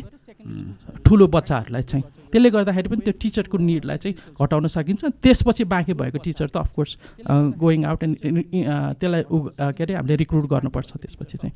ओके फेरि come back to you your thoughts on digital currency well I think चाहिन्छ होला। किन भन्दाखेरि संसारै मुभ गरिरहेको कुरामा चाहिँ होइन हामी पछाडि हुनु हुँदैन। किन भन्दा नेपालमा चाहिँ एउटा ट्रेन्ड के छ भन्दाखेरि संसारले एकदम अगाडि स्टार्ट गरिदिन्छ। उहाँहरू बबाल अगाडि पुग्नुहुन्छ अनि हामी बल्ल स्टार्ट गर्ने फेजमा आउँछौँ I think we should do it किन भन्दाखेरि भुटान जस्तो कन्ट्रीले गरिरहेको छ इन्डिया जस्तो कन्ट्रीले गरिरहेको छ भनेपछि के स्कोप देखेर नै गरे होला। तर यसमा चाहिँ मेरो एक्सपर्टिज नभएको कारणले गर्दाखेरि होइन सो मैले चाहिँ ग्लोबल ट्रेन्ड हेरेँ अनि ग्लोबल ट्रेन्ड हेर्दाखेरि चाहिँ वी सुड डु इट जस्तो लाग्छ। We should not miss miss miss the bus यसपालि चाहिँ। ओके वान सेकेन्ड अर्को क्वेसन पनि सोध्छु विवोर अधिकारी सेज यो चाहिँ तपाईँलाई यस्तो छ। एजुकेसन पाएर मात्रै नेपालमा खानै पुग्दैन होइन? त्यही भएर मान्छे गएर what is your plans on increasing the number of employment or employment accessible होस् मान्छेसँग एभ्री वानलाई भनेर what would be your thoughts on this or idea on this well I think हामीसँग नम्बर अफ इन्डस्ट्रिज र number number of businesses एकदम कम छ कि नेपालमा जुन जुन अनुपातमा हामीले मान्छे इम्प्लोय गर्नुपर्ने छ नि होइन? सो त्यो अनुपातमा चाहिँ बिजनेसेस र इन्डस्ट्रिजहरू यहाँ छैन। त्यही भएर त हामी लेबर बेच्न बाध्य छौँ नि त विदेश गएर। यहाँ नभएको कारणले गर्दाखेरि नै हो। So short and sweet answer भने चाहिँ त्यो बढाउनु पर्ने छ अब त्यो बढाउनलाई दाइले भन्नुभयो जस्तै हुन्छ नि लोकल मार्केटलाई प्रोटेक्ट गर्ने हो कि होइन? यहाँ चाहिँ हुन्छ नि प्रड्युस गर्ने इन्डस्ट्रिजहरू बिजनेसेस सर्भिसेसहरूलाई चाहिँ हुन्छ नि इन्सेन्टिभ्सहरू प्रोभाइड गरिदिने हो कि? के गर्ने गर्नु चाहिँ पऱ्यो? तर at the end of the day is to increase the number of factories, the, to increase the number of production houses and businesses. Shishir त फेरि हजुरलाई how do we recruit the best teachers त्यो त गरेकै हो दस वर्षदेखि गरेकै कुरा तपाईँको तपाईँको के छ? वाट्स वाट्स रिक्वायरमेन्ट के हेर्नुहुन्छ? जस्तो सपोज विनायक एकदमै फ्यान्सी ठाउँबाट आएको छ is studied abroad and this and that तर म पनि एकदम एम्बिस आई लभ टिचिङ बट ममा केपेबिलिटी छैन। म बल्ल तल्ल पढाएको छु मेरो मेबी इङ्ग्लिस लाइ पनि त्यति राम्रो छैन। त्यस्तो त्यस्तो केसेस आउँछ तपाईँले टिचर लिन मिल्दैन नि होला। सो त्यस्तो अलिकति केही छ हजुर यसमा चाहिँ दुई तिनवटा इम्पोर्टेन्ट हुन्छ जस्तै इङ्ग्लिस पढाउने इच्छा छ त इङ्ग्लिसै आफूलाई आउँदैन भने त त्यो टिचर अफकोर्स हुन सक्दैन। त्यसले गर्दा र त्यसलाई हामीले ब्रडली चाहिँ कन्टेन्ट मास्टरै भन्छौँ कि जुन विषय पढाउन खोजेको त्यसको चाहिँ एक लेभलमा वि राम्रो नलेज चाहिँ उसले लिएर आउनु पऱ्यो त्यो चाहिँ डेमोन्स्ट्रेट गर्न सक्नु पऱ्यो एउटा कुरा। दोस्रो कुरा चाहिँ टिचरहरू चाहिँ अब स्पेसली जुन धेरै बच्चाहरू सानो सानो उमेर समूहका भाइ बहिनीहरूसँग काम गर्नुपर्छ नि त त्यसले गर्दाखेरि ऊ चाहिँ अलिक बढी फ्रेन्डली धेरै कुरा सुन्न सक्ने लिइरहन सक्नुपर्ने पनि हुन्छ। अनि अर्को एकदमै इम्पोर्टेन्ट चाहिँ फेलियरहरूसँग डराउनु टिचरहरू एकदम फेल बढी हुने प्रोफेसन हो कि भनेको विद्यार्थी फेल भएको हामीलाई जस्तो लाग्छ तर विद्यार्थी फेल हुँदै गर्दा त्यो टिचरको नि फेलियर हो नि त। अनि मैले केही पढाइरहेको छु र तपाईँले बुझ्नु भएको छैन भने त So when you are a teacher, you feel like you have failed, okay? And a teacher experiences that every single day. कुनै एउटा क्लासरुममा तिस चालिसजना विद्यार्थी पढाइरहेछ भने दस तिनजनाले पाँचजनाले सिकेर त पुगेन नि त। त्यो तिसै तिसैजनाले सिकेको हुनु पऱ्यो त्यसले गर्दाखेरि त्यो रिजिलियन्स के falling back and coming back त्यो फ त्यो फेलियरबाट फेल हुँदाखेरि पनि उठेर आउन सक्ने क्षमता चाहिँ अलिक बढी चाहिन्छ। त्यसपछि अरू कुरा चाहिँ ट्रेनेबल हो कि पेडागोजीको एलिमेन्ट चाहिँ भनेको कसरी पढाउने चाहिँ त्यो त्यस्तो खाले माइन्ड सेट त्यस्तो खाले एबिलिटी लिएर आएको मान्छेलाई मजाले ट्रेन गर्न सकिन्छ कि अरू कुरामा चाहिँ। ओके अब तपाईँलाई नै फेरको दिइहालेँ राष्ट्रिय स्वतन्त्र पार्टी तपाईँको पार्टीको मेन बिलिफ के हो? If you had one liner or main belief केही छ? सिम्पल मैले अघि ideology centre to the left भने नि त्यसले के भन्छ भने राज्य संयन्त्रमा निजी क्षेत्रको पनि प्रमुख भूमिका हुन्छ। तर त्यो itself is not enough त्यसलाई चाहिँ राज्यले रेगुलेट गर्नुपर्छ कन्ट्रोल गर्नुपर्छ। सर्टेन इस्यु जस्तै शिक्षा स्वास्थ्य जस्तो कुराहरूमा चाहिँ राज्यको प्रमुख भूमिका हुनुपर्छ भन्ने कुरा विश्वास गर्छ। तपाईँको एरियामा I think four government campuses छ भने जस्तो लाग्यो। हजुर। ASCOL Amrit science Saraswati. Shankardev. Shankardev. So current पिएमले चाहिँ एमपीले सरी एमपिज अर करेन्ट रिप्रेजेन्टेटिभ्सहरू जसैले पनि लाइब्रेरी ल्याब्स यसो लुफ रुफ लिकिङहरू रिपेयर गर्न सकेन हुन्छ नि। अनि why couldn't they do it होला? अर तपाईँ आएपछि हुन्छ कि हुँदैन? Would they allow you to have that power or make the decision. अब यो अगेन यो सांसदले गर्ने कुरा होइन डिरेक्टली होइन? यो त किनभने सांसदलाई नीति नियम ऐन कानुन बनाइदिने हो? त्यो directly execute non executive role भएको भएर सांसद आफैले चाहिँ डिरेक्टली यो गर्न सक्दैन। तर ह्याभिङ सेड द्याट सांसद चाहिँ सबभन्दा द चिफ लबिस्ट भन्छ कि? त्यो त्यो मेरो क्षेत्रको जस्तै त्रिचन्द्र कलेज भूकम्पपछि धेरै इन्स्टिट्युसन मन्दिरहरू बने काठमाडौँमा। किन अ, त्रिचन्द्र कलेज बनेन के? त्यसमा हाम्रो प्रायोरिटी के हो? हाम्रो जनप्रतिनिधिहरूको प्रायोरिटी नै के हो? त्यो धेरै कुरा छ हामी चाहिँ हाम्रो अहिलेको पोलिटिक्सले चाहिँ खालि हामी सर्ट टर्म गेन्सहरूमा के? मन्दिर मन्दिरमा घन्टा राखिदिने मन्दिरको रुफ राखिदिने अथवा कुनै बाटो चाहिँ बनाइदिने सानसानो कुराहरूमा मात्रै बढी जोड छ। त्यो ठुला जुन लार्जर गेम चेन्जिङ कुराहरू हुन्छ नि त्यस्तो कुराहरूमा चाहिँ धेरै कम काम गरेको हामीले देखिरहेको छौँ कि त्यो अर्थमा चाहिँ आई थिङ्क त्यो चिफ लबिस्टको हिसाबले चाहिँ कन्टिन्युसली त्यो आवाज चाहिँ उठाइदिन सक्छ कि संसदमा होस् सडकमा होस् लेखेर होस् बोलेर होस् अथवा चाहिँ रिसोर्स एलोकेसनमा बजेट पारित गर्ने कुरामा निकै ठुलो भूमिका हुन्छ कि? सांसदको। प्रतिनिधि सभामा मात्रै ब बजेट पारित हुन्छ। राष्ट्रिय सभामा नि हुँदैन। त्यो बजेट बन्ने क्रममा मन्त्रीहरूसँग लबी गर्ने कुराहरूमा सिम्पल उदाहरण हामीले तुलसीपुरमा काम गर्दै गर्दाखेरि उप मेयरको नेतृत्वमा उहाँको भिजनकै आधारमा एउटा कलेज भन्यो त्यसमा बत्तिस करोड एलोकेट भएको छ कि?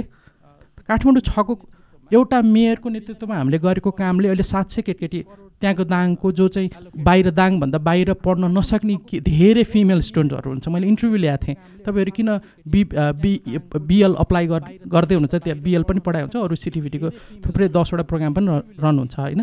भन्दाखेरि भन्- त्यहाँको बच्चाहरूले स्टुडेन्टहरूले के भन्नुहुन्थ्यो सर हामीलाई त बुवा आमाले बाहिर पढाउनै पठाउनु न यहीँ कलेज खुल्यो अब पढ्न पाइन्छ भन्नुहुन्थ्यो कि। त्यो रिसोर्स एलोकेसन बत्तिस करोडको एउटा मेयरको नेतृत्वमा हामीले गर्न सक्छौँ भने काठमाडौँ छको सांसदले गर्न नसक्ने पर्ने कुनै पनि का- आधार देख्दैन कि म? त्यसले गर्दाखेरि त्यो त्यो त्यो त्यो किसिमको एफर्ट त्यो किसिमको डेडिकेसन टु इस्यु नपुग्या जस्तो लाग्छ मलाई। प्रायोरिटी नियत जस्तो लाग्छ मलाई चाहिँ।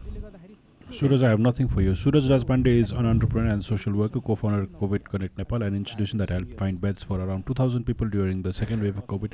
Amazing data. तिमीलाई क्वेसन छैन ब्रो एकछिन तिमीलाई तिमीलाई तिमीलाई I think people love you lot होइन मैले यहाँ क्वेसन लाइक अप्रेजल्स मात्रै भेट्छ people please we we one questions man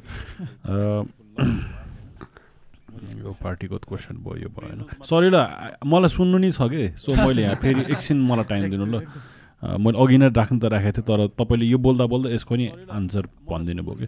so जो तिम्रो लागि ब्रेन एक्सर्साइजमा त health health insurance is already a failure in Nepal. What is your plan though I don't know if you thought it thought about it not specific केही plan छ for better health care well I think I think हुन्छ नि um, कुनै पनि नागरिकको बाँच्न पाउने चाहिँ नैसर्गिक संवैधानिक अधिकार हो जस्तो लाग्छ क्या। इट्स ग्यारेन्टिड बाई कन्स्टिट्युसन होइन? सो म चाहिँ के कुरामा विश्वास गर्छु भन्दाखेरि यो विनोद चौधरी नै होस् अथवा हुन्छ नि धनी मान्छे नै होस् विनोद चौधरीको नाम मैले होइन? धनी मान्छे नै होस् अथवा एकदमै केही पनि नभएको गरिब मान्छे होस् उसको बाँच्न पाउने अधिकारको सुनिश्चितता चाहिँ सरकारले गर्नुपर्छ। सो कुनै पनि मान्छेको हेल्थ बेसिक हेल्थ इन्सुरेन्स चाहिँ म्यान्डेटरी कम्पलसरी हुनुपर्छ भन्ने चाहिँ प्रमुख एजेन्डा छ। सो त्यो अब सङ्घ सरकारले गर्न सक्छ कि होइन? हामी प्रदेशमा चाहिँ हामी त्यसको लबी नै गर्ने प्लान गरिरहेको छु बिकज मैले पैसा नभएर स्वास्थ्य सेवाबाट वञ्चित भएको धेरै मान्छे देखाएको छु। सो एउटा केस तपाईँहरूलाई भनिदिन्छु। नेपालको एउटा एकदम राम्रो भगवान्को नामबाट खुले हस्पिटल छ होइन? सो उहाँहरूले साढे दुई साढे दुई लाख रुपियाँ नतिर्दाखेरि पेसेन्टलाई सात दिनसम्म बन्धक बनाएर राखिदिनु भयो कोभिडको समयमा। उहाँहरूलाई हामीले पैसा रेज गरेर पैसा तिरेर त्यहाँबाट रिलिज गरेर वीर हस्पिटल एडमिट गर्दासम्म उहाँको डेट भइसकेको थियो कि। त्यो दुई दिन तिन दिन अगाडि हामी रिक्वेस्ट गरेर पठाइदियो त्यो मान्छे जोगिन्थ्यो होला। होइन? सो हेल्थ इन्सुरेन्स मात्र भइदियो भए त्यो कभर गर्न सकिन्थ्यो कि भन्ने कुराहरू। यो यस्तो इक्जाम्पल्सहरू कति छ छ? मान्छे अस्पतालको बरन्डाबाट हाम फाल्न बाध्य छ आज। पैसा तिर्न नसकेर पचहत्तर हजार साठी हजार तिर्न नसकेर यस्तो विडम्बना होइन? सो त्यो हुनुपर्छ जस्तो लाग्छ। मलाई अनि त्यो बाहेक चाहिँ स्वास्थ्य सेवा पूर्वाधार चाहिँ नेपालको विरक्त लाग्दैछ। विरक्त लाग्दो नै छ। होइन सो पैसा भने मान्छे पैसा खर्च गरेर उहाँहरूले प्राइभेट हस्पिटल्सहरूमा सेवा लिनुहुन्छ तर पैसा नहुने मान्छे त यहाँ त बिजोग नै तरिकाले बस्नु परिरहेछ कि? सो मलाई चाहिँ यो यो कुराहरूमा चाहिँ एकदम स्ट्रिक्टली नै it's these are non negotiable agendas यसमा चाहिँ स्ट्रिक्टली नै हामीले पोलिसी लेभलमा काम गरेर यसलाई एक्जिक्युसनमा लानुपर्छ जस्तो लाग्छ। अगेन फर यु ल। एकदम random question sure, whatever is related to education तपाईँलाई दिइरहेको छु अलिकति other साइड्समा what are your thoughts to decrease inflation well okay एकदम सरल एकदम ऱ्यान्डम आई थिङ्क यो एउटा फ्लोमा भने दिमाग त्यही जान्थ्यो त्यसरी नै आइरहेछ। दिस इज फन रमाइलो रमाइलो क्वेसन हो। खासमा चाहिँ मैले अगेन फेरि भनिहालेँ होइन? यसमा चाहिँ अ, यहाँको प्रड्युसर्स चाहियो कि यहाँको प्रड्युसर्स चाहियो अब नेपालको इकोनोमी कसरी चलेको छ भन्दाखेरि प्रोडक्सन बेस इकोनोमी होइन यो। यो चाहिँ ल्यान्ड बेस्ड इकोनोमी हो अहिले पनि भन्नुभयो होइन। सो प्रायः जसो मान्छे चाहिँ धनी कसरी भएको छन् भन्दाखेरि पुर्खाको सम्पत्ति बेचेर घर गाडी किनेर चलाएको यहाँ यहाँ पैसा कमाएको मान्छे चाहिँ यहाँ भ्याल्यु फर मनी चाहिँ एकदम कम छ कि। हुन्छ नि? लाख डेढ लाख कमाउनु गाह्रो छैन कि मान्छेलाई आजकल। टु बी भेरी अनेस्ट पैसा हुने मान्छेलाई चाहिँ फेरि। अलिकति प्रपर्टी छ भने तिन तला घर बनाइदियो दुई तला भाडा मिलाइदियो एक लाख रुपियाँ आइहाल्छ होइन? सो उसको लागि पन्ध्र सयको चामल दुई हजारको चामल तिन हजार चामल मतलब छैन किनेर खाइदिन्छ। भोलि गएर त्यहाँ प्राइस बढ्यो भने तलपट्टि रेन्ट पनि बढाइदिन्छ मजाले होइन? सो मार चाहिँ कसलाई परिदिन्छ भन्दाखेरि जोसँग पुर्ख्यौली सम्पत्ति छैन अथवा हुन्छ नि इने इनहेरिटेन्स नभएको मान्छे अथवा कुनै पनि किसिमको चाहिँ हुन्छ नि ब्याक सपोर्ट नभएको ग्राउन्ड नभएको मान्छे चाहिँ चाहिँ एकदम धेरै अप्ठ्यारो परिदिरहेको छ होइन? सो यहाँ यहाँ चाहिँ हामीले के गरिदिनुपर्छ भन्दाखेरि आई थिङ्क इकोनोमिक लेभलमा पनि यहाँ धेरै मान्छेलाई चाहिँ लेभल प्लेइङ फिल्डमा चाहिँ ल्याइदिनुपर्छ जस्तो लाग्छ मलाई। सो त्यसको लागि चाहिँ फेरि इम्प्लोइमेन्ट नै हो। त्यसको लागि फेरि उद्यमशीलता नै हो। काम गरेर खान सक्ने वातावरण बनाइदिनु पऱ्यो कहाँ हुन्छ नि काम गरेर खान खान दिन सक्ने इन्स्टिट्युसन बनाउन सक्ने वातावरण बनाइदिनु पऱ्यो होइन? सो त्यसपछि जब जब मान्छेको हातमा पैसा आउँछ लेभल प्लेइङ फिल्ड बन्छ अनि यहाँको प्रड्युसर्सहरू आउँछ मलाई त्यतिखेर चाहिँ कन्ट्रोल हुन्छ जस्तो लाग्छ। अनि यसमा सरकारले पनि धेरै काम गर्न जरुरी छ जस्तो लाग्छ। हुन्छ नि हाम्रो इकोनोमी प्रोटेक्ट गर्ला। म यसमा एक्सपर्ट चाहिँ होइन टु बी भेरी अनेस्ट होइन। यो फाइनेन्सियल यताउता कुरामा होइन। मैले जाने बुझाएको कुरा चाहिँ त्यही नै हो। So that's all from my side दाइको केही छ कि? अ, यसमा अलिकति बढी। अब इन्फ्लेसन अहिले ग्लोबल प्रब्लम हो। त्यो केबाट भएको छ भने फ्युलको को खर्च बढेको भएर हो कि तेलको किन धेरै कुरा त्योसँग जोडिएको हुन्छ। हामीले इम्पोर्ट गर्ने एक्सपोर्ट गर्ने हामीले ट्राभल गर्ने कस्ट चाहिँ के underline cost fuel. Logistics logistics एउटा चाहिँ फ्युलको कस्ट चाहिँ जस्तै इन्डियन गभर्मेन्टले आफ्नो त्यो ट्याक्स घटाएर पनि फ्युल घटायो नि। नेपाल गभर्मेन्टले भने तर घटाइदिएन कि? त्यसले गर्दाखेरि एउटा चाहिँ हामीले फ्युल प्राइस अब त्यो फेरि सबै हाम्रो कन्ट्रोलमा छैन फ्युल सबै हामी इम्पोर्ट गर्छौँ होइन? एउटा त्यो कुरा चाहिँ अलिकति सर्ट टर्ममा त्यो हो। लङ टर्ममा चाहिँ हाम्रो economy needs to be based on Nepali resource भनेको जलविद्युत विद्युतमा के? हाम्रो त्यो ग्रिन इकोनोमीमा जानुपर्छ कि? त्यो जबसम्म हामी ग्लोबल सिस्टमसँग फुल्ली कनेक्टेड हुन्छौँ त्यसबाट डिस्कनेक्ट हुनलाई चाहिँ आफ्नै रिसोर्स चाहियो नि त। त्यसले त्यो अर्थमा चाहिँ यदि हामीले इलेक्ट्रिफिकेसन इलेक्ट्रिक जस्तै हामीसँग इलेक्ट्रिक यो रिस फ्युल भन्नाले एनर्जी कन्जम्सनलाई बढाउने खाले कुनै पनि हामीलाई प्रोत्साहन गर्ने पोलिसिजहरू नै आएको छैन नि त। हामी ग्यास पनि सबै इम्पोर्ट गरेर चलाइराखेका हुन्छौँ होइन? त्यो कुराहरूमा चाहिँ अलिकति त्यो एउटा यो चाहिँ नेसनल सिक्युरिटीको इस्यु हो। ग्लोबली युएसहरूदेखि लिएर सबै देशमा युरोपमा रसिया हेर्नुहोस् वारहरू हेर्नुहोस् होइन?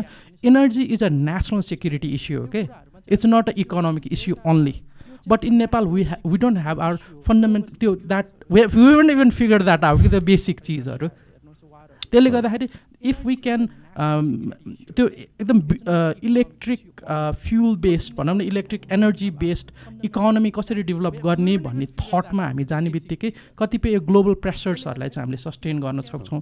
एउटा एलिमेन्ट चाहिँ त्यहाँ देख्छु म अलिकति लङ्गर टर्ममा मैले भन्नु पऱ्यो भने त्यो साथसाथै अर्को चाहिँ कहाँ पनि छ भने यो लजिस्टिक कस्ट के म अहिले लजिस्टिक अन्टरप्रिनियरको रूपमा भन्नु पऱ्यो नि त्यो गुड्स ट्रान्सपोर्टेसनको नेपालको कस्ट इज जिडिपीको ट्वेन्टी फाइभ पर्सेन्ट युएसमा इट्स ओन्ली एट पर्सेन्ट इन्डियामा इट्स फोर्टिन पर्सेन्ट भनेपछि हरेक एक रुपियाँमा पच्चिस पैसा चाहिँ हामी लजिस्टिक कस्टमा खर्च गर्छौँ कि जबसम्म लजिस्टिक कस्ट घट्दैन तबसम्म खर अरू त्यो त्यो goods that we consume will continuously in increase कि म किन लजिस्टिक इन्डस्ट्रीमा आएँ भन्दाखेरि I saw this as a huge challenge के even if you can decrease from twenty five to fifteen percent you would save like ten percent of the ten rupees on a rupee के त्यो अरबमा त खरबमा when you अब चालिस खरबको economy we are talking about तेह्र खरबको logistic cost के यति बेला ट्रु एडिङ टु भट दाइ सेड नितिन गडकरी इन्डियामा चाहिँ ट्रान्सपोर्ट मिनिस्टर हुनुहुन्छ होइन उहाँहरूको पनि एक्सप्रेस वेको कन्सेप्ट आएको छ कि? यही रिजनले गर्दाखेरि उहाँहरूले भन्दाखेरि नै भन्नुभएको छ लजिस्टिक्स चाहिँ सजिलो बनाउनु पऱ्यो बनाउनु पऱ्यो चिपर बनाउनु पऱ्यो भन्ने छ। अनि नेपाली कन्टेक्ट कन्टेक्समा कुरा गर्नु पर्दा चाहिँ प्रि कोभिड एउटा कन्टेनर सामान चाहिँ चाइनाबाट ल्याउनुलाई नेपालमा ल्याउनलाई चाहिँ चार लाख रुपियाँ लाग्दैन अहिले एघार लाख रुपियाँ लाग्छ क्या। सो हेर्नु न त्यहाँ पनि एकदम ठुलो इस्यु चाहिँ देखाएको छ। Just adding to what said भर्खरै।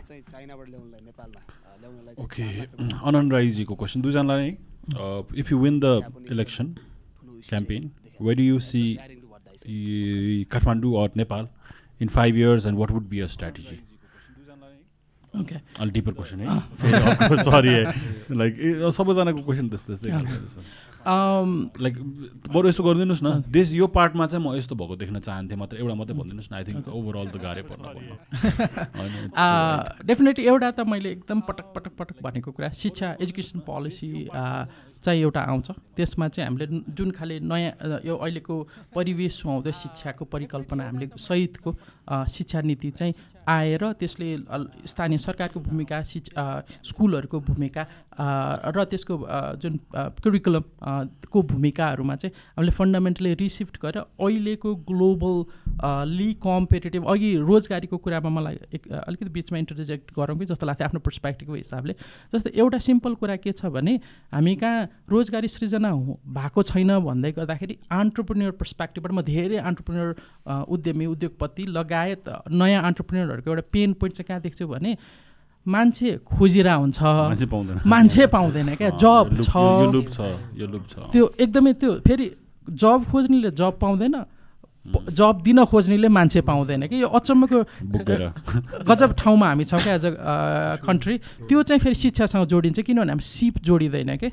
एउटा बाह्र प्लास पास गरेको अथवा युनिभर्सिटी पास गरेको बा युनिभर्सिटी पास गरेको एउटा मान्छेले बेसिक सिबी पनि राम्रो लेख्दैन क्या अरू कुरा भनेको उसले जे सिक्नु पर्ने हो सिप विकासमा उसको जे क्षमता हुनु त्यो देखिँदैन। सो फन्डामेन्टली त्यो कुराहरू चाहिँ हामीले सल्भ गरिसकेका हुन्छौँ भन्ने एटलिस्ट पाँच वर्षमा चाहिँ। वेल मेरो चाहिँ मलाई चाहिँ I I don't want see people go abroad just because यहाँ काम छैन यहाँ स्कोप छैन भनेर चाहिँ पाँच वर्षभित्रमा चाहिँ एटलिस्ट बागमती प्रदेश सभामा चाहिँ हुन्छ नि बागमती प्रदेशमा चाहिँ कुनै एउटा उद्यमीले चाहिँ यहाँ उद्यम व्यवसाय गर्छु भनेर सोच्यो भने चाहिँ उहाँहरूलाई प्रोभाइड गर्न सक्ने नीतिगत सहयोगहरू access to capital access to फाइनेन्सको कुराहरू चाहिँ हामी प्रत्यावधि गर्न सक्छौँ जस्तो लाग्छ मलाई होइन? सो त्यो द आवर पनि हो। अनि त्यो बाहेक चाहिँ अब शिक्षा स्वास्थ्यको कुरामा पनि हुन्छ नि कतिपय तहमा चाहिँ मैले अगाडि पनि भनिसकेँ प्रादेशिक विश्वविद्यालयको कुरा। जुन चाहिँ हामीले पाँच वर्षमा स्टार्ट गर्नु रहेछ बिस पच्चिस हजारजना मान्छेलाई पढ्न सक्ने एउटा ग्लोबल इन्स्टिट्युसन चाहिँ क्रिएट गर्नुपर्ने छ होइन? सो त्यो एउटा क्रिएट गर्न चाहिँ हामी तत्पर रहन्छौँ। म अनि लगायत म जस्तै मेरो एजेन्डा बोक्नु भएको मान्छेहरू धेरैजना हुनुहुन्छ होइन? उहाँहरू अनि स्वास्थ्यको कुरामा चाहिँ मैले भने स्वास्थ्य बिमाको कुरा। यो चाहिँ नन नेगोसिएबल नै हो मेरो लागि होइन? मेरो आफ्नै पनि बिमा छैन कि टु बी भेरी अनेस्ट होइन? सो स्वास्थ्य बिमा चाहिँ सबैजना एटलिस्ट बागमती प्रदेशको नागरिकको चाहिँ स्वास्थ्य बिमा चाहिँ हुनसक्ने अवस्थामा चाहिँ सृजना हामी गर्ने प्रयत्न गर्नेछौँ। एकदम कङ्क्रिट एन्सर भयो चाहिँ ल अर्को एउटा क्वेसन ग्रीष्म तिवारीजीबाट। हजुर। शिक्षा स्वास्थ्य विकास यो एजेन्डा धेरै भइसक्यो बट काम कोहीले पनि गरेनन्। How can be expect from you guys हुन्छ नि. बुझ्नु वेल यसमा। म एउटा कुरा भन्छु। यसमा चाहिँ के छ भन्दाखेरि अहिले हाम्रो पोलिसी मेकर्सहरू यहाँ मनमा हात राखेर भनौँ है हामी सबैजनाले यहाँ टु हन्ड्रेड सेभेन्टी फाइभ हुनुहुन्छ उसमा प्रदेश के अरे सङ्घमा वान हन्ड्रेड टेन प्रदेश सभामा बागमती हुनुहुन्छ होइन?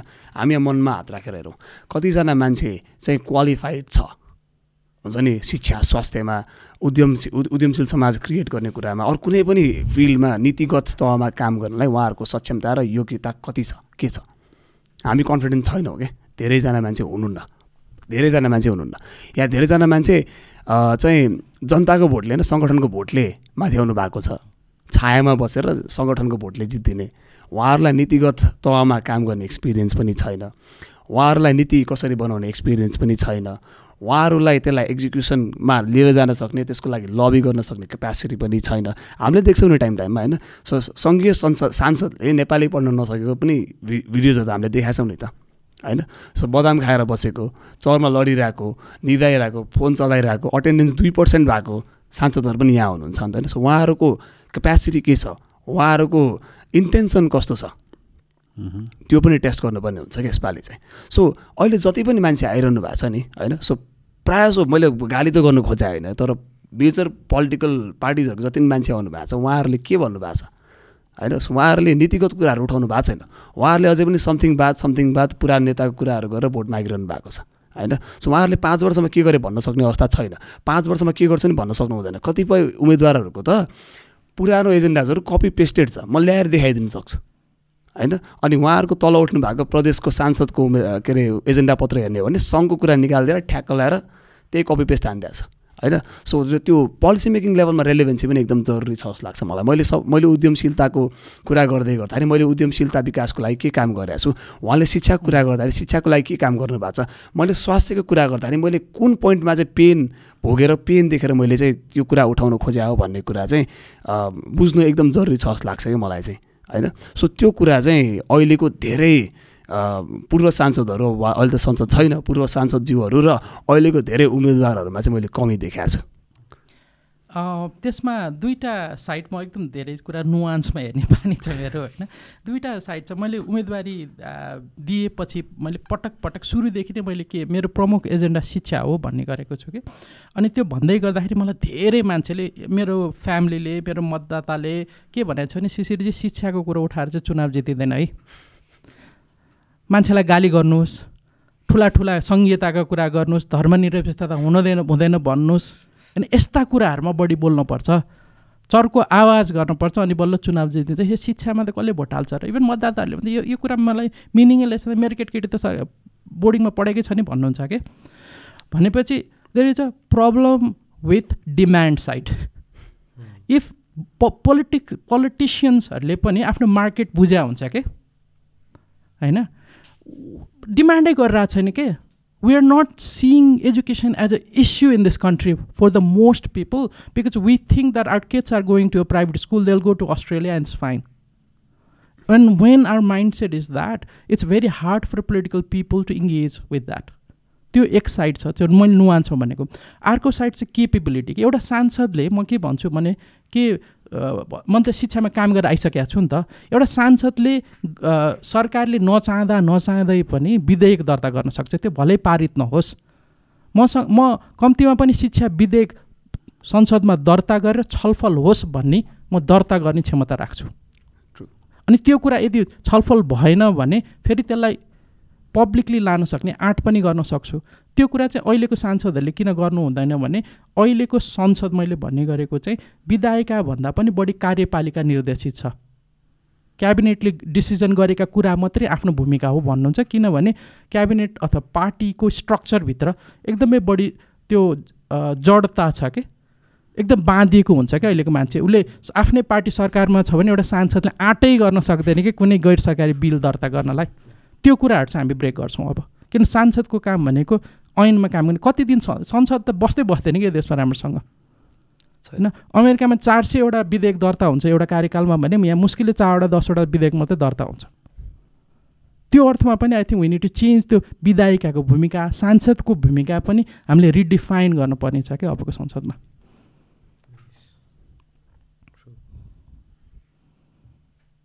एउटा यसमा एडअप गर्नुभएको रहेछ। प्रादेशिक प्रादेशिक विश्वविद्यालयभन्दा नि टियु पियु केयुलाई नै एफिसियन्ट बनाउन सकिँदैन र भनेर।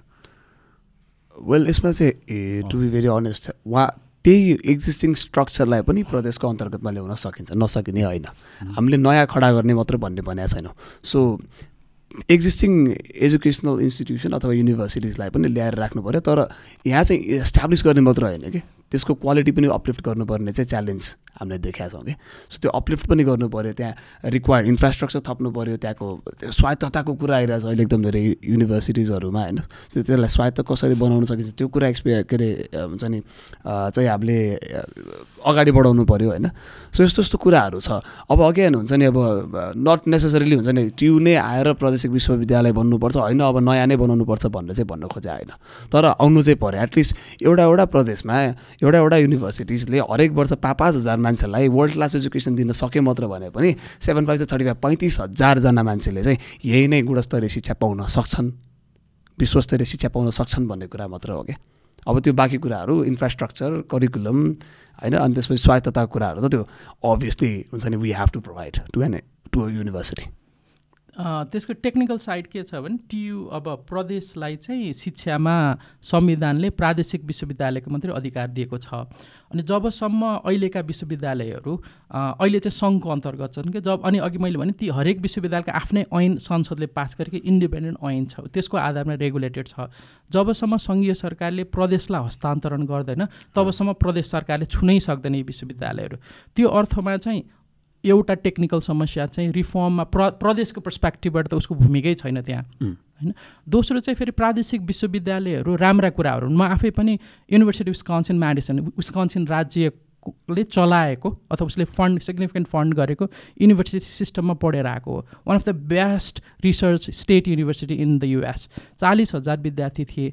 असी हजारको त्यो स्टेडियम थियो असी हजारजना अट्ने। नेपालमा मुस्किलले पच्चिस तिस हजार अट्ने युनिभर्सिटीको बजेट नै नेपालको बजेटको हाराहारीमा हुन्थ्यो होइन? उसले प्रदेशमा कन्ट्रिब्युट गर्ने जुन इकोनोमीमा कन् जिडिपीमा कन्ट्रिब्युट गर्ने ऊ थियो उसको रिसोर्स इनोभेसन्सहरूबाट त्यो चाहिँ it was a big part of that स्टेटको त्यसको इकोनोमीको एउटा ठुलो इन्जिन नै स्टेट युनिभर्सिटी थियो क्या त्यसले गर्दाखेरि अब हामीले इन्भिजन गर्नुपर्ने चाहिँ युनिभर्सिटिजहरू प्रा विशेष गरी प्रादेशिक संरचनाको पर्सपेक्टिभबाट जुन संविधानले उसलाई अधिकार दिएको छ why not have seven amazing universities that is run and funded by state के? जसले चाहिँ प्रदेशको संरचना त्यसको इकोनोमीलाई बुझ्या हुन्छ कर्णालीमा पढाउने शिक्षा र बागमतीमा पढाउने शिक्षा एउटा हुनु हुँदैन। फरकै हुनु पर्छ फरक हुनुपर्छ के? त्यसले गर्दाखेरि प्र त्यो कुराहरू चाहिँ खालि भएका कुराहरू मात्रै रिफर्म गर्नुपर्ने त इम्पोर्टेन्ट छँदैछ तर त्यसले गर्दाखेरि कर्णालीको इकोनोमी के हो? त्यसलाई कस्तो खाले विस्कन्सिनमा चाहिँ विस्कन्सिन आइडियाज भन्थ्यो कि? Where the the things you learn in classroom should be relevant to the state of Wisconsin with is a dairy state राम्रो हाम्रो युनिभर्सिटीभित्रै आइसक्रिम बेचिन्थ्यो होइन त्यो कुरा न्युयोर्कमा रेलेभेन्ट न थिएन कि त्यसले गर्दाखेरि कर्णालीमा रेलेभेन्ट हुने एजुकेसन र मध्य प्रदेशमा रेलेभेन्ट हुने एजुकेसन फरक हो कि त्यसलाई चाहिने जनशक्ति फरक हो त्यो अर्थमा चाहिँ त्यो state universities can be a very important instrument for त्यो ह्युमन रिसोर्सको त्यो लोकल त्यो स्टेट प्रोभिन्सियल लेभल उत्पादन र त्यसको इकोनोमीको एउटा ठुलो इन्जिन हुनसक्छ। जियोग्राफिक र डेमोग्राफिक सेन्ट्रिक हुनु पऱ्यो भन्ने कुरा भयो। वुड द्याट बी पोसिबल किनभने त्यो त सजिलो छ किनभने किन भएन म चाहिँ म आइएम अमेज्ड द्याट द्याट अहिले हाम्रो लङ्गर डिस्को डिस्कोर्सहरूमा चाहिँ प्रदेश प्रदेशमा अधिकारै भएन भन्ने छ। तर प्रदेशले आफ्नै ऐन बनाएर युनिभर्स जस्तै गण्डकीले चाहिँ गर्यो होइन त्यो एउटा प्रोसेस गण्डकी प्रोभिन्सले चाहिँ गण्डकी विश्वविद्यालय स्थापना गरेर त्यो एउटा प्रक्रिया चाहिँ सुरु गर्यो। तर अरू कुनै पनि प्रोभिन्सले एउटा पनि युनिभर्सिटी स्टार्ट गर्न सकेन क्या पाँच वर्षमा। वेयर हजुर? किन? यस्तै पोलिसिज नभएर कोही इन्ट्रेस्टेड नभएर। क्यापेसिटी नभएको मान्छे भएर।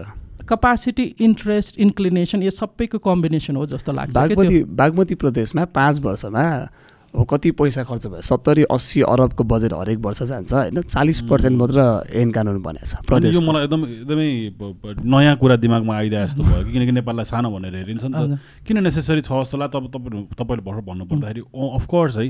किनकि यहाँ काठमाडौँमा बर्न एन्ड रेज जसलाई चाहिँ सानोदेखि नै के भन्छ मोन्टेसरीहरूमा राखेको मान्छे र हुम्लामा कतै एकदमै विकट ठाउँमा बसेको बच्चालाई एउटै paper at the end of there. Teens त फेयर पनि भएन र आई थिङ्क युजफुल पनि नभएको कि मेबी त्यो साइडमा अझै मेबी अझै अलिकति युजफुल सब्जेक्ट अरू अरू भइदिन्थ्यो कि है। त्यो अगाडि हामीले भने लेभल प्लेइङ फिल्ड नै त्यही हो कि खासमा चाहिँ। त्यो चाहिँ अहिलेको संविधानले त्यो त्यो दिएको छ जस्तै स्कुल एजुकेसन लोकल गभर्मेन्टमा राखिदिएको छ। त्यसले गर्दाखेरि त्यो लोकल कन्टेक्स्ट अनुसार हामीले एजुकेसन दिन मिल्यो।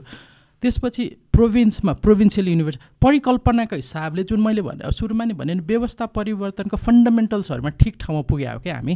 त्यसपछि अर्को ठाउँमा जानुपर्ने अ, जानलाई चाहिँ यो नेतृत्व पूर्ण रूपमा असक्षम भयो किनभने उसले कपासिटी इन्टेन्सनै देखाउन सकेन कि आफूसँग भएको अधिकारै प्रयोग गरिदिएन कि गएको संसदमा मान्छेहरूले सांसदहरूले। आफ्नो भएको अधिकार त प्रयोग गर्नु पऱ्यो नि त। भएको रिसोर्स त युटिलाइज गर्नु पऱ्यो नि। त्यो सबै रिसोर्स युटि हन्ड्रेड पर्सेन्ट हाम्रो बजेट खर्च भएर अनि त्यसपछि भएका अधिकारहरू अनुसार कानुन भएर गर्न नसके पो यो देशमा हुँदैन भन्ने हो त। भएको टेन पर्सेन्ट पनि नगर्ने अनि सबै कुरा भएन भन्ने अहिलेको जुन न्यारेटिभ बिल्ड गरिन्छ त्यसमा चाहिँ त्यही भएर पनि हामी म लगायत सुरज लगायत जो नयाँ एक किसिमको आफ्नो प्रोफेसनहरूमा एक किसिमको एक्सेल गरेको अथवा त्योबाट आएको मान्छेहरू किन अब संसदमा जानुपर्ने भएको छ भने नयाँ खाले एक्सपर्टिज चाहियो। मैले एउटा इन्टरभ्यूमा भनेको थिएँ त्यो यो रामायणको यदा यदाई धर्मस्य कोट गरेर कि युग सुगाउँदो भगवान् चाहिँदो रहेछ कि भगवान् त युग सुहाउँदो चाहिन्छ भने लिडरसिप पनि त युग सुहाउँदो चाहियो नि त। एउटा तिस चालिस वर्ष अगाडिको लिडरसिप र आजको लिडरसिप एउटै होइन कि? नयाँ नयाँ। खाले लिडरसिप चाहियो प्रश्नमा। हजुर। फर्स्टमै। फर्स्टमा। कडा म त्यो उहाँ त्यो उहाँलाई हेरेर त म त अलिक कडै होस्ट हुनुहुन्थ्यो उहाँ। हजुर। अलिक कडै हुनुहुन्थ्यो। सो प्रदेशको कुरा एउटा सानो भनिदिइहाल्छु है। प्रदेश चाहिँ खासमा राजनीतिक भर्ती केन्द्र भएको छ क्या अहिले? सो सङ्घीय संसद त केही लेभलमा प्र्याक्टिस गरिरहेछ उसको आफ्नो कुराहरू होइन? सो प्रदेशमा चाहिँ कस्तो छ भन्दाखेरि यदि कसैले सङ्घको टिकट पाएन भने चाहिँ थुमथुम हुने ठाउँ आफ्नो कार्यकर्ताहरूलाई लगेर राखिदिने ठाउँ आफ्नो नातेदारहरूलाई लगिदिने ठाउँ अब मान्ने त मान्ने हो नि त एन्ड अफ द डे सेवा सुविधा राम्रै छ होइन? सो त्यहाँ लगेर राखिदिने ठाउँ भर्ती केन्द्र मात्र भइदियो कि? त्यहाँ चाहिँ पोलिसी मेकिङ गर्न सक्ने मान्छे अथवा हुन्छ नि कुनै पनि सब्जेक्ट म्याटर एक्सपर्ट्सहरू चाहिँ हुनु भएन जसको कारणले गर्दा त डिबेट चाहिँ नहुने। होइन? कसैले डिबेट गर्नु खोज्यो भने हाँसमा उडाइदिने। होइन? सो एकजना माननीयजी हुनुहुन्छ जसले चाहिँ मलाई मेन्टर गराउनु भएको छ मान्य पूर्व माननीय हुनुहुन्छ विधास भक्त श्रेष्ठले केटिएम एटबाट उहाँ चुनाव लडिरहनु भएको छ घन्टी चुनाव चिन्हमा होइन? सो उहाँले कति राम्रो राम्रो डिबेट्सहरू हुन्छ नि बागमती प्रदेशमा चाहिँ गर्नुभएको छ कि? उहाँले कति कति कतिपय राम्रो विधेयकहरू चाहिँ हुन्छ नि उहाँ लगेर उहाँले लगेर दर्ता गरिदिनु भएको छ होइन? सो कतिपय कुराहरू उहाँले एक्लैले गर्नै सक्नु भएन बिकज अरूले कसैले सपोर्टै नगरिदिने हाँसेर बस्दिने। उहाँले भन्नुहुन्थ्यो बदाम खान्छ अरे मान्छे संसदमा गएर। अनि घाम तापेर बस्दिन्छ अरे मोबाइल चलाएर बस्दिन्छ अरे सुत्दिन्छ अरे आएर ल हेर्नुहोस्।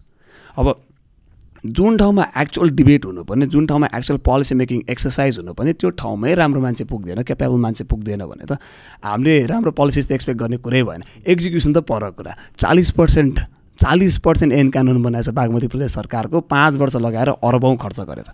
सोच्नुहोस् न।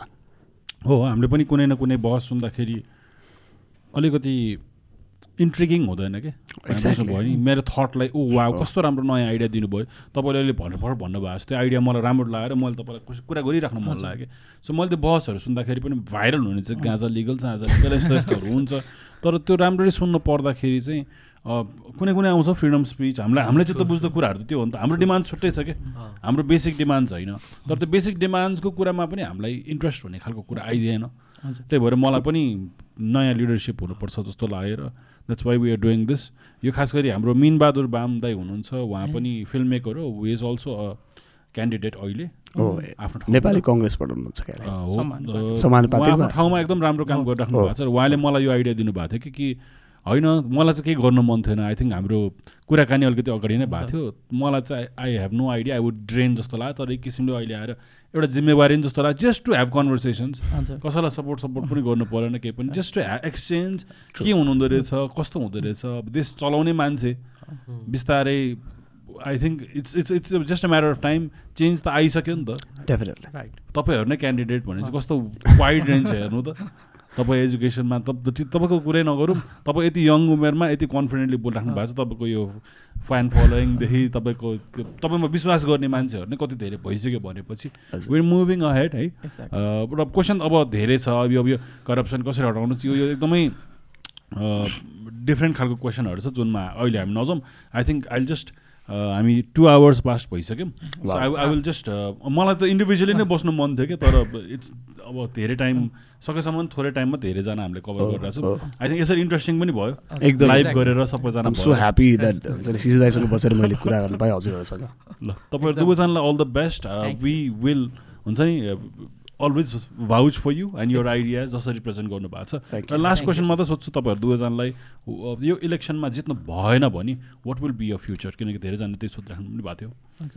के गर्नुहुन्छ त्यसपछि? म चाहिँ I will continue doing what I'm doing so म आल आल आल हुन्छ नि keep on running businesses I'll keep on हुन्छ नि supporting wherever my support counts I'll keep on raising my voice wherever my voice matters so the journey has just begun भन्छु म त win र loss भनेको कुरा चाहिँ it's just an outcome to be very honest होइन? म चाहिँ मैले एक भोट ल्याए पनि हजार भोट ल्याए पनि हुन्छ नि जति भोट ल्याए पनि मत मत भने मत हो होइन? सो जनताको जनमत भने जनमत हो।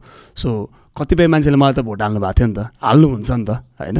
सो त्यसलाई कदर गर्दै म मेरो क्षेत्रमा मैले कन्ट्रिब्युट गर्न सक्ने सेक्टरमा चाहिँ म काम गरिरहन्छु। यात्रा बल्ल सुरु भएको छ होइन? बिसौँ वर्ष अगाडि जानु छ।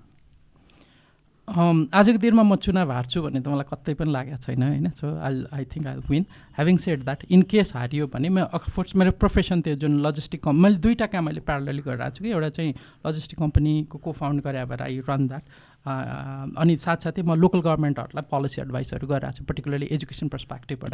सो त्यो चाहिँ म कन्टिन्यू गर्छु विच इज मोस्टली भलन्टियरले त्यो एजुकेसन एडभाइजिङको कामहरू त्यो चाहिँ मेरो भलन्टियरी हो। त्यो काम दुइटै म कन्टिन्यू गर्छु। साथसाथै क्षेत्र काठमाडौँ क्षेत्र नम्बर छ को इस्युजहरू एजेन्डाहरूमा चाहिँ म निरन्तर काम गर्छु। कतिपय कुरा सधैँ पोजिसनमै हुनु पर्दैन होइन? मलाई जुन मतहरू आउँछ हजारौँ मतहरू जुन म माथि गरिएको विश्वास हो नि त त्यो विश्वासलाई निरन्तरता दिन मैले आफ्नो सेक्टरबाट के काम गर्नुपर्ने हो? जस्तै मैले उठाएको मुद्दाहरू शिक्षाको कुरा मेरो क्षेत्रमा भएका विश्वविद्यालयको क्वालिटी इम्प्रुभ गर्ने कुराहरू किनभने हामीसँग एकदमै डेफ्थमा एक्सपिरियन्स छ कि त्यसको त्यसको कुराहरूमा म काम गर्छु। त्यहाँ सपोर्ट गर्ने स्कुल्सहरूलाई हामीसँग टन्नै आइडियाजहरू छन् टिचर्स ट्रेनिङको कुराहरूमा म्यानेजमेन्ट क्यापासिटी बिल्डिङको कुराहरूमा हामीसँग एक्सपिरियन्स छ त्यसलाई म कन्टिन्यू दिन्छु।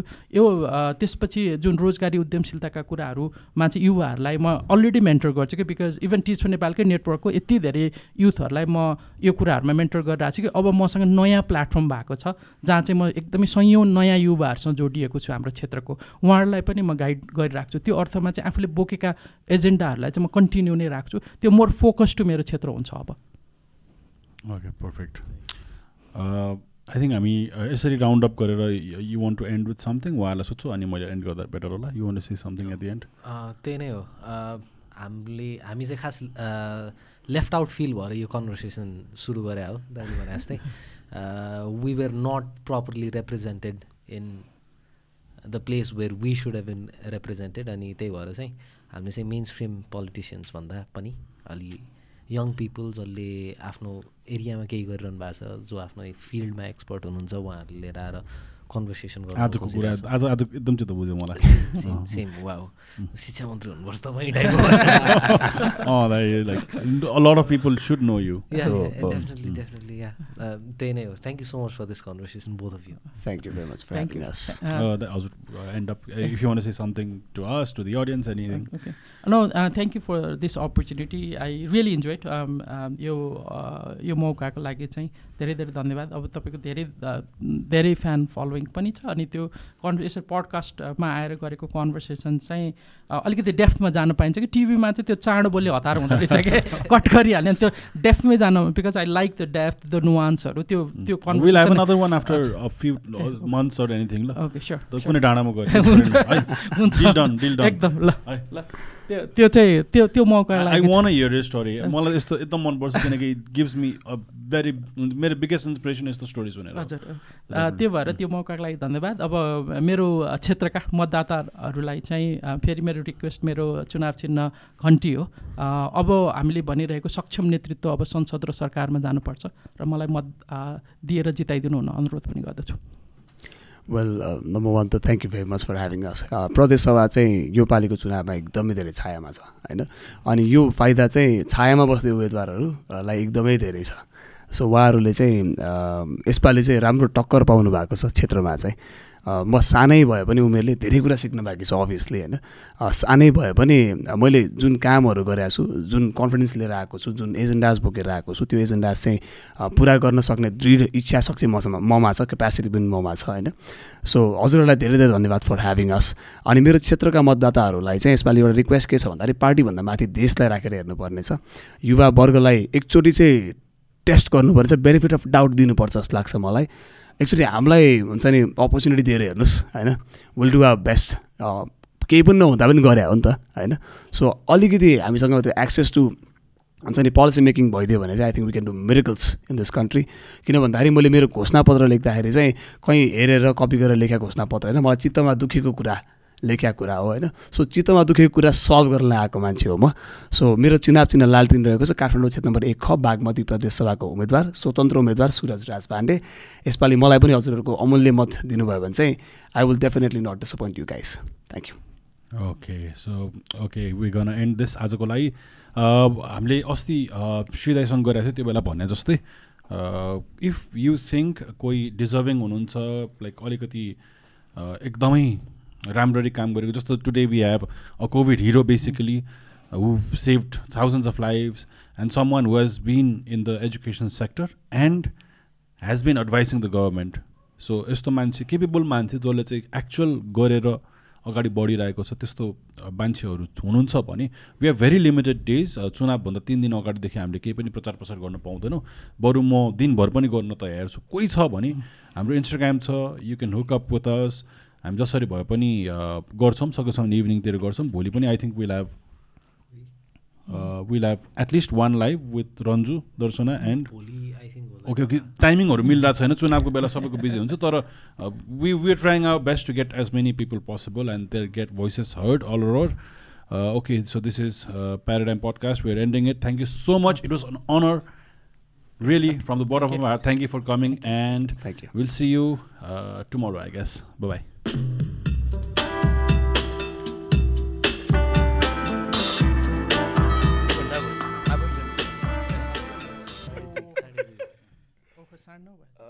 तपाईँहरू दुईजना चाहिँ सिङ्गल सिङ्गल गर्नुपर्ने मान्छे रहेछ तर आई थिङ्क यसरी आउँदाखेरि झन् दुईजना एउटै टिमको पावर हाउस हामी धेरै अगाडिदेखि कन्भर्सेसनमा बसेर काम गरिरहेछौँ एजेन्डा पनि एकदमै